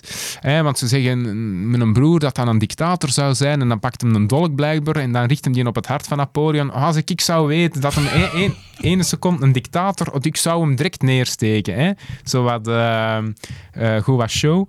Dus effectief, die, die ehm, kamers... eh allee, de, de, de kamer zeker van ehm 500, die wordt ontbonden. Ik denk dat dan de, de, de, de Kamer van Ouderen of de Raad van Ouderen stemt dan in met eh, een, een overgangsregering. eh, overgangsregering. Dat moet dan nog bevestigd worden door de Raad van 500. Die raad is natuurlijk gevlucht. Dan moeten ze die nog blijkbaar uit cafés en zo gaan halen. Dus dan geeft hè, Napoleon de opdracht aan zijn militairen. Oké, spoort er wat op dat we aan het quorum zitten. Ja. Eh, en dus dan gaan ze die zoeken in cafés en in bordelen en wat dan ook. Swat. Ehm, Dat lijkt me echt het scenario voor een opera of zoiets. Met al die tumult Ja, en al ja, dat klein menselijke dat daar naar voren komt. Ja, ja, ja, inderdaad. Dat is een zeer onzeker moment. Hè. Ehm, maar dus het lukt. Er komt een overgangsregering ehm, met een nieuwe, nieuwe grondwet. En hij slaagt er dan in ja, om eerste consul, eh, eerste consul te worden. En eigenlijk, ja, dus alleen heerser, hè, dictator. Maar dus over details van het verschil tussen dat directoire en dat consulaat, daar gaan we nu niet op ingaan, omdat dat misschien wat Ja, omdat ik dat ook niet weet. Nee, Maar, wel, wel. maar het doet er ook niet toe. Napoleon is op dat moment een van de drie consuls. En CIS denkt, ja, oké, ik kan mijn eigen hier binnenkort wel naar voren schuiven als Ja. de Ja. primus inter pares. Maar Napoleon denkt, no way, dat zal Nee, ik voilà. wel zijn. en dus voor de eerste keer denk ik dat je terug een, ehm, ja, iemand hebt die, die ehm, alleen kan beslissen. Hè, die er dus wat vaart kan achterzetten. Want heel veel initiatieven waren er in de jaren daarvoor al genomen. Bijvoorbeeld voor een wetboek. Hè, Zo'n Code Napoleon of zo'n Code Civil. Ehm, dat was een project dat al jaren aan de gang was. Het is niet hij die eh, ineens opstaat op een morgen en denkt van ja, ik heb een nieuw ideetje. Alleen, eh, men kon daar geen vergelijking vinden. Eh, heel veel discussies. En hij is de man die een... ehm, ja, die, die er eigenlijk voor zorgt, oké mannen, we gaan hier niet weg. Eh, het, mag, mag nacht worden, we gaan hier niet weg totdat we een beslissing nemen. Dus hij ziet daar ook heel veel zittingen voor van, van die uh, code civil. Maar dus hij, hij slaagt er daarin om uh, resultaten te bereiken. Waarschijnlijk omdat hij inderdaad de almacht heeft. Hè. Um, en dus in zekere zin, die, de revolutie met uh, de vele onzekerheden, uh, de instabiliteit, stopt dan ook op dat moment. De redder van de revolutie, wordt gezegd. Ja, ja. Um, maar ja, ja dat, is een, dat is een slinger. Hè. Op dat moment is die in het midden, maar het gaat ook weer al volledig Ja, ja. de andere kant op gaan binnen een paar jaar. Ja, ja, voilà, ja. Nee, maar op dat moment, inderdaad, het project dat hij dan start in, in 1799, ja, is een project van nationale verzoening. Ehm, Oh, wacht, ik zal het anders even voorlezen. Uh, totale dictatuur, uitschakelen tegenstanders, toetrekken van de macht. hij, stuurt, hij stuurt zijn tegenstanders naar Frans-Guyana. ja. Maar als je de film Papillon hebt gezien, weet je dat dat de droge guillotine is. Ja. Ehm, er, Allee, ja. Ja, je zegt nationale eenheid als, Ja. als iedereen zijn mond houdt. Ja, ja, dat wel, hè, dat wel. Ja, en hij laat zoveel eh, kranten verbieden en cetera. Ja, ja dat, dat, dat klopt natuurlijk. Ehm, maar ja, hij probeert wel de verschillende strekkingen die er waren. Ehm, en de katholieken, dus de, de, de Franse kerk, was eigenlijk ja, een stuk afgeschaft. Ehm, maar natuurlijk, er waren nog wel heel veel katholieken Ja. en ook ja, de revolutionaire idealen. Hij probeert er allemaal wel een weg in te vinden. En om terug ja, nationale verzoening te bewerkstelligen. Hij zal dan ook een akkoord sluiten met de paus terug, het concordaat hè, van 1801. Ehm, dus, dus hij Om, om, om de, de, de, de katholieken op het, op het platteland dan voornamelijk, denk ik, Ja. en in die steden ook, ja, terug achter zich te krijgen en om de wind Ja. uit, de, uit, de, uit de zeilen van de royalisten te halen. Want ik vermoed dat dat Ja. een van de speerpunten was van de... Ja, ah, ja. ik had gelezen op Wikipedia dat een van de speerpunten was van de royalisten. ja. Ja. Dus wel slim, hè? Ja, ja, effectief. Ja, ja. Hij probeert daar iedereen wat te bedienen. Hè. Maar dus, hij is daar zeker niet een ideoloog eh, of een idealist. Eh, hij is daar zeer pragmatisch. Hè. Eh, en het proberen te verzoenen. Ook, hij zorgt er dan voor dat heel veel adel dat geïmmigreerd was in, in de voorbije jaren, in die Franse revolutie, dat die terugkomen. Hij probeert dan ook een verbond tussen ja, zowat nieuwe elite en oude elite. Tussen militairen en, en de oude adel probeert hem wat te bewerkstelligen. Ehm, dus ja, hij, hij, mm, probeert er echt een project uit, te, uit de grond te stampen van eh, nationale verzoening. Eh, natuurlijk, nationale verzoening effectief binnen een dictatuur. Hè. Eh, dus dat is allemaal... Ja, dat is allemaal goed leven, zolang dat je je mond niet te hard opentrekt. hè. Nee, er was blijkbaar ook nog... Ja, er zijn dertig aanslagen tegen zijn leven Ja, geweest of zoiets. en van één Ja. van die aanslagen had hem dan ergens opportunistisch gewijs een link gevonden met nog één van die Bourbons, de Ja. koninklijke familie die dat er dan nog overbleef in Frankrijk. Ja, heeft hem die ja. eh, ja. Geëxecuteerd, terwijl dat, dat vooral de rest over... Allee, ik heb dat vaak gelezen in, in die een boek van Bart van Loo, als ze zeggen eh, een, een koningsmoordenaar of zoiets. Dat is in die tijd, een koning dood doen, dat, dat gebeurt niet. Hè? Ook Nee. met Napoleon, als hij verliest twee keer, ze, ze, ze executeren die niet. Ze exilen hem. Allee, ze, Ja. ze verbannen hem. Ja, al was er wel... Ik denk dat de, de Pruisen... Maar die Eh, Pruisen, dat is klassiek. De Ja. Pruisen die zeggen altijd... Die Duitsers. Eh, ik denk dat Blücher eh, er wel voor te vinden was, maar effectief, ja, ja. Nee, ja, dat is de, de, de, de moord of de dood van de Le Duc d'Enghien, dat is ehm, van die Bourbon-prins. Ja, dat is iets dat natuurlijk ehm, in heel Europa op Ja. ja. ja, weerzin, eh, Dat weerzin doe je niet. oproept. Een koning dood. Nee, ja, en zeker omdat ja, de link tussen die aanslag is, is eh, denk ik ook ontkracht later. Alleen Ah, ja. er, was, er was geen link. Eh, En dan, we zijn bijna op het einde van de opgang van Napoleon, hè, want Ja. hij wordt keizer. Ja, uiteindelijk, uiteindelijk wel. Hè. Eh, dus ja, hij is dus eerste consul. Hij wordt dan consul voor het leven. Daarna nog. Ehm, hè, dus eer- de eerste keer was dat nog met een termijn, maar hij wordt dan consul voor het leven. En dat is ook gedragen omdat mensen ehm, angst hebben om terug te keren. Stabiliteit naar, willen, ehm, ja. ja, voilà. Allee, dat is ook wat we in de vorige aflevering met Christophe Maas hebben gezien. Dat het spook van de terreur en van de guillotine ook in 1830 altijd op de achtergrond meespeelt. hè. Mhm. Dus dat is hetzelfde eh, daar. Men, men vreest wat na Napoleon. En, en dat wordt dan nog eens ehm, versterkt door die aanslagen die er op Napoleon plaatsvinden. hè. Eh, Oké, hij overleeft er heel wat, maar het zou maar eens moeten zijn dat... Allee, ik denk, Ja. die een aanslag, eh, de bekendste aanslag is op kerstavond, als hem naar de opera trekt, Ja. en dat er een, een grote bom ontploft, allee, of, of, of buskruid ontploft. En zijn koets is er dan juist voorbij. Eh, en, en de koets van Josephine is er op dat moment nog niet. Allee, het is zo juist in een dood, doodsmoment dat die, dat die ontploffing eh, plaatsvindt. Maar het zou maar sowieso het zou maar eens kunnen gebeuren. Eh, zomaar kunnen gebeuren. Dus men, men, men is er wel bang voor. Oké, wanneer... Ja. Het, is een sluitsteen. Hè? Als, als die wegvalt, wat dan? En dan zet je ook weinig met een, een benoeming voor het leven. Dan heb je eigenlijk iets hereditair nodig. Ja, voilà. En omdat ze niet kunnen kiezen voor een koning, Voilà. omdat dat weer al het ancien regime is, Ja. dan voor de, de next best thing, een keizer. Ja. Dan vraag ik aan u, wat is het verschil tussen een koning en een keizer? Eh, ja, dat is, dat is een heel goede vraag. Ik denk enkel PR-gewijs dat, eh, dat men het niet kon, kon verkopen om de koning terug, terug in te stellen.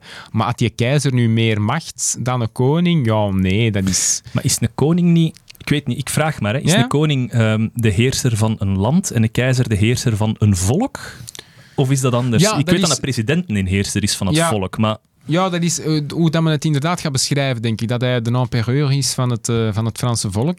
Eh, maar ja, je kunt er even goed van het Franse Rijk van maken. Hè. Ja. Denk nu, dat, dat of van het is- geloof, van het katholieke geloof. Of Ja, zo. dat zit niet in die titel besloten. Dat is hoe dat men het op die moment vormgeeft. Ook ja, met de eh, enorme interesse die er toen was in het klassicisme en in de Romeinse periode. Ah, ja, hè. ja. Ook in de Franse revolutie was dat enorm op de achtergrond. Eh, die, die Romeinse idealen, ook van de republiek. Eh, ergens, hè, mm, hetzelfde, hè, daar is het ook een Romeinse republiek en dan krijg je een keizer. Ergens is dat hetzelfde bij Napoleon.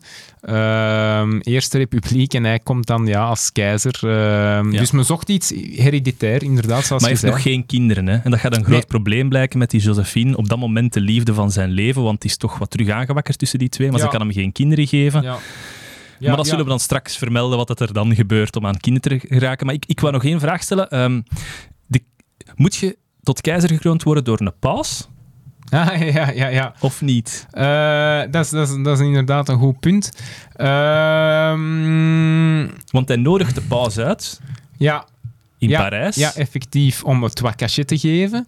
Eh, ook omdat dat... ehm, ja, natuurlijk, de, de, de andere grote keizerskroning uit de geschiedenis is die van Karel de Grote in 800, hè, door, door eh, Leo III zeker. Eh, en daar was de paus hè, ook. Allee, is het eigenlijk de paus daar die de keizerskroon eh, geeft. Dus ja, het is, een, uiteindelijk had dat niet gemoeten. Had hij zich perfect keizer kunnen kronen zonder, zonder die paus. Maar het is natuurlijk ja, ook weer ergens, denk ik, die traditie, die beeldvorming, dat hem toch die paus erbij wilde. Eh, een belangrijk verschil was dan, hè, ehm, in, in 800, ehm, Leo III kroont zelf eh, Karel de Grote. Eh, ik, heb, ik heb ooit eens gelezen trouwens dat dat eigenlijk niet de bedoeling was. Dat Karel de Grote daar ergens ja, gepakt werd op snelheid. Eh, dat, hè, dat Leo III ineens zegt, ah, en hier, voilà, ik ga nu kronen tot, tot, tot, tot keizer. Direct Maar een ergens- traditie gemaakt van Ja. dat, Ja, ja, dat inderdaad, de paus want- normaal de keizerstitel Ja. toedient. Ja, ja. ja, dus moest inderdaad, werd de, de, de keizers van het Heilige Roomse Rijk, die werden dan aan een tijd verkozen in Frankrijk, maar dan om keizer, dan werden denk ik Rooms koning, maar om Rooms keizer te worden, moest je bevestigd worden inderdaad door de pa. Je moest Ah, ja. naar Rome. Eh, officieel, na een tijd sterft dat dan ook uit. Bon, maar dus inderdaad, eh, Leo III in 800 creëert daar die, die traditie en schept dan ook meteen het beeld ik heb u de keizerskroon gegeven. Ja. Ik heb u gekroond. Ehm, en daarom dat Karel de Grote, daar heb ik gehoord, niet, niet content mee was. Uh, en dus dat is een fout die Napoleon niet zal maken. Hij nodigt dus Pius VII, de paus op dat moment, hij nodigt hij uit naar Parijs. Uh, maar heel duidelijk om er gewoon te zitten.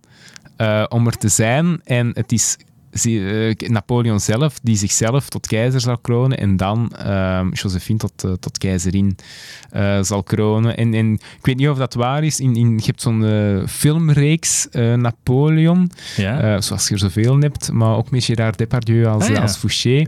Okay. en ehm, oké, dan daarna wordt het... Ehm, wordt een bekend schilderij gemaakt hè, van David, uh, je zult dat wel kennen van de kroning in de Notre-Dame. En de kroning vindt plaats in de Notre-Dame.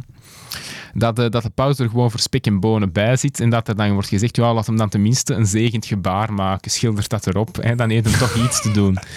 Ehm, maar dus effectief, uiteindelijk zat hem er voor spek en bonen bij, de paus. Uh, ja. Oké, okay, je hebt dan op dat moment we zijn bijna aan het einde van de opgang. Hè. We zitten op dat moment met een keizer, ja. Napoleon. Ja, veel hoger kunnen niet gaan, denkt je. Maar voor vele mensen is het nog altijd, wat je in het begin zei, een parvenu. Het is een van lage adel die dat zichzelf kroont tot keizer.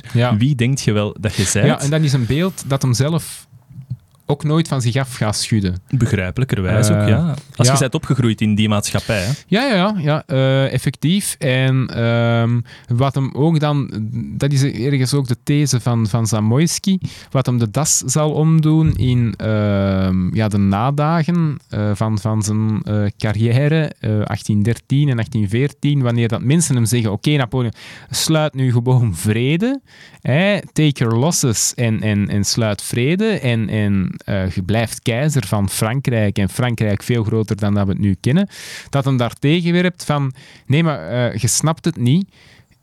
Een koning mag 60 veldslagen verliezen, maar zal koning blijven. Ja, ja, ja. Maar mijn legitimiteit is gebaseerd op victorie en op, uh, op overwinningen. dus het, het, het, um, ja, het, ergens, als je dat, psychologisch gaat ontleden, waarschijnlijk het gevoel van tekort, uh, tekort doen of, of niet voldoende, ergens altijd moeten streven naar iets. Um, dat, dat is er altijd bijgebleven. Ja, ja en, en, en nog een extra. Ja, hoe kan hem nu echt zijn, zijn claim um, valideren in de rest van Europa? Dat is door u aan te sluiten bij een echte traditionele keizerlijke familie. Ja. En omdat Josephine hem geen kinderen kan geven, zoekt hij uh, een, een, andere vrouw die hem wel kinderen kan geven, tot zijn grote spijt, want hij houdt enorm van Josephine, blijkbaar. En er zijn twee kandidaten. Wat is de zus van uh, Alexander, uh, Tsaar Alexander, dus keizer Alexander, en ook de dochter van de, de Oostenrijkse keizer. En het zal dan de dochter van de Oostenrijkse keizer worden, hè, zijn, die, die opgegroeid is met Napoleon als de, de grootste vijand. Um, dat dan uiteindelijk zijn vrouw uh, zal worden. En dan beschouwt hij zichzelf ook lid als een van de grote dynastieën van, uh, ja, van Europa. Ja, ja dat, uh, maar dan zitten we natuurlijk later. dan zitten we in ja, ja, maar om, om het hoogtepunt van Napoleon even... Ja, ja, ja um, klopt. Um, dus, dus die een breuk met Josephine, dat was al door verschillende partijen gesuggereerd. Niet het minst door zijn familie. zijn ah, ja, familie moesten daar niet van hebben. Moesten daar niet van hebben. Ja, omdat, je zei het al, hè, omdat hij al nogal promiscu ehm, was en ook zo gekend was. Dus men vond dat toch niet de juiste partij voor hun Napoleon. Uh, en daar begint het eigenlijk mee, dat de familie er van, vanaf wilt. Uh, maar hoe langer hoe meer wordt dat ook een staatszaak, omdat zij geen kinderen meer kan... Hè, ze had twee kinderen, mm -hmm. uh, maar ze kan er dan uiteindelijk geen meer, meer krijgen. En het, ja, het belang van de erfgenaam, hè, de stabiliteit uh, als Napoleon moest sterven, wie, wie komt er op de troon? Dus dat, dat wordt een, staats, een staatsvraag, een staatszaak. Uh, en uh, ja, dus er zijn ook binnen de regering uh, mensen die hem vragen: neem afstand van, van Josephine en eh, zoekt, u, zoekt u een nieuwe vrouw. En men komt dan uiteindelijk bij Marie-Louise ook omdat ehm, de en nu moet ik oppassen wat ik zeg, maar ik denk de, de grootmoeder zeker van Marie-Louise was Maria Theresia.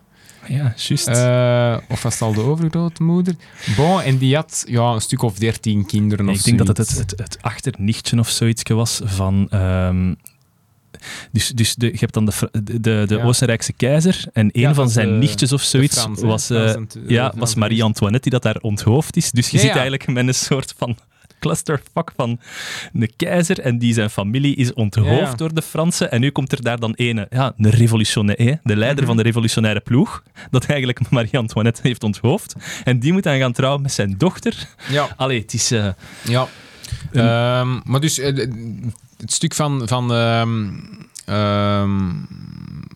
allee, eh, kinderen kunnen krijgen, hoe noemde dat met een schoon Eh, je kunnen voortplanten. allee, of de, ja, allee, of de, de- maar dus de voortplanting was. was procreëren. ja, de procreatie was, was gegarandeerd met, een, eh, met Marie-Louise, hè, omdat men dan dacht, oké, Maria Theresia heeft 13 kinderen gehad of meer, dus mm, dat zit daar wel goed. Die Ja. genen zijn goed om, om kinderen te produceren. Dus dat is een factor die dan heeft meegespeeld. Ehm, ja, en, en, en vooral dat eh, Rusland niet wou. Hè. Eh, Rusland, allee, of de zus inderdaad van, van de keizer, van een tsaar. Ik denk dat hij dan uiteindelijk getrouwd is met ehm, Willem, Willem II. Ah, denk- ik denk dat zij dat is. Ja, ja, ja. Ehm, eh, ja, die wilden eigenlijk, die hielden een boot af. Dus heeft dan, want oké, dat had het logische huwelijk geweest ergens, Ja. omdat hij in 1807, eh, maar oké, daar komen we misschien straks dan op. ja. Eh, in 1807 sluit hij een alliantie met Rusland. Hè. Eigenlijk, dat zijn de twee machten die, die zowat Europa gaan, gaan beheersen de, de, de jaren daarna. Eh, dus het had logisch geweest als eh, ja, de, de, de bruid daarvan gekomen had. Eh, maar ja, Alexander, ehm, die coalitie was nooit, eh, lag nooit na aan het hart van, van Alexander I, van de Ja. tsaar. Plus ook geografisch, daar ligt echt wel nog een aantal grootmachten tussen. Hè? Ja, ja, ja maakt vooral dat niet Oostenrijk. Goh, ja, maakt dat, dat is misschien nog een factor, maar ik denk het- dat logischer geweest. Gelet, gelet op het feit dat, dat Rusland al, ehm, al een bondgenoot was, ja, dat, daar, Ja. eh, dat dat nog eens bestendigd werd of bevestigd werd in dat huwelijk. Maar dus ja, het zal Marie-Louise worden. Misschien een kleine spoiler alert. Allee, spoiler, 200 jaar geleden. Ehm, die zoon, want er komt uiteindelijk een zoon uit, Ja. uit dat huwelijk van eh, Napoleon en eh, Marie-Louise. ehm, Ja. is het? ja, Napoleon II.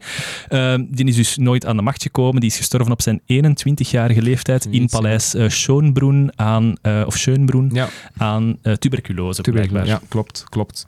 Ja.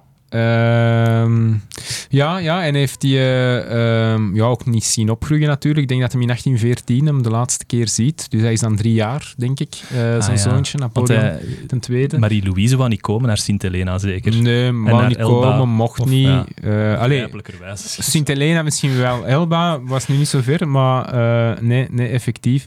Dus ja, en blijkbaar wordt hij dan ook wel een stukje genegeerd. Die een, ehm, nee, dat wordt eh, de hertog, denk ik, van Reichenbach of zoiets, dat hem dan uiteindelijk genoemd gaat worden, Napoleon II. Eh, maar ja, ik denk zijn relatie met Marie-Louise, met zijn moeder, is dan ook niet al te goed. Ehm, ja, het is natuurlijk ergens raar, hè? Dat de zoon van Napoleon, maar Napoleon is van de macht verdreven. Is dat ja, een, een ongewenst element waarschijnlijk. Ja, Ehm, je zit daar in een, in een, eh, een positie, allee, een individu die dan niet echt troonsopvolger gaat zijn Nee, van, van het niks. Oostenrijkse. Nee, nee, ja. nee, nee. Dus inderdaad, die, die liep daar wat verloren in Oostenrijk. Maar hij sterft dan op, eh, ja, inderdaad, in, in zijn twintig, eh, begin twintig. Ja. En het is dan, volgens mij ligt hem nu in, in de Invalide, waar met zijn Napoleon ook ligt. En blijkbaar, eh, ik vind dat ook weer zo'n zo'n raar verhaal, de, de, de persoon die daarvoor heeft gezorgd, want die lag dus oorspronkelijk in, in Wenen begraven. Ik denk in... Wellington. Nee? Nee, Nee? Nee. Oké. nee, je mag nog eens schokken. Nee, ik weet niet. Eh, dus dus de, de persoon die daarvoor heeft gezorgd is eh, de Dolf. Die ja, maar wat ik dan raar vind, want allee, dat is ja, zoiets dan een, een, een sentimentele keuze precies. Ah, wel, dat is toch waar dat een dolf op speelt, nationaal sentiment. En Ja, ja, ja, oké. maar Nationale dus, dus gewaarwording. hij- hij, eh, ja, maar dan voor Frankrijk, hè? Ja, ja hij, Ah, maar dat deed hier toch ook bij ons? Dat is toch ook de reden waarom dat hem ze de Vlamingen aan de ene kant Ja, heeft ja, oké, ja, ja, ja. Ah, wel, maar, ja, ik vind dat zo ja, een sentimentele keuze die je niet meteen verbindt aan, eh aan Want een dolf was niet anders dan ja. sentiment. Ja, oké. Ja. Begraven onder, onder, onder 6 miljoen allee, of meer doden. Maar ja, oké. Nationaal eh, sentiment. Nationaal sentiment. eh, Alright, voilà. Dat was het einde van het eerste deel. Straks zullen we beginnen aan... Ja, ik denk, het gaat nog even naar boven met een aantal ehm, veldslagen. Ja, maar dan wel, gaat het wel hè. pijlsnel ja, ja, naar ja, ja, beneden. ja, dus, dus eh, militair gezien gaat het, gaat het nog naar boven gaan. Oké, op, op dit moment zit Frankrijk tegen, tegen de Rijn aan, zoiets. Hè. Dat is, en dan de, de, ja, België, Nederland, dat is allemaal Frankrijk. Eh, het heeft, het heeft een vinger in de pap in Italië ook wel. Ehm, maar dat is ongeveer nu wat de contour is. En effectief, hij zal, hij zal in de komende jaren Europa eigenlijk veroveren. Dat wel, Ja. dat wel. Ja. Alright. Iedereen dat tot nu toe geluisterd heeft, dikke, dikke merci van onze getwegen. Mocht je het leuk vinden, vragen we maar één klein dingetje. Stort alsjeblieft... Nee, dat kan ik niet vragen. Ja, ik vind Deel- dat we dat toch eens moeten beginnen. Ja. Deel deze podcast met één of twee mensen dat je kent en die dat dan misschien ook plezant gaan vinden. Zo kunnen we het alleen maar breder uit, eh, ja, verspreiden. Hè? Ja, voilà, dat we eindelijk beroemd worden. Hè? Dat ik die job in de advocatuur kan, kan verlaten. Ik ben ook aan mijn, eh, Ja, aan mijn nalatenschap aan het denken hoor. ja voilà, voilà. Volgend jaar, nee, ik zou moeten verdedigen op 1 juni, dus eh 2022. Ja, dus op 2 juni wilde jij eh, vaste podcaster. Ja. Ja, Radio 1, interne keuken. maar, steven.verbeist.be. Dankjewel iedereen voor het luisteren. Tot Ciao. binnenkort. Ciao.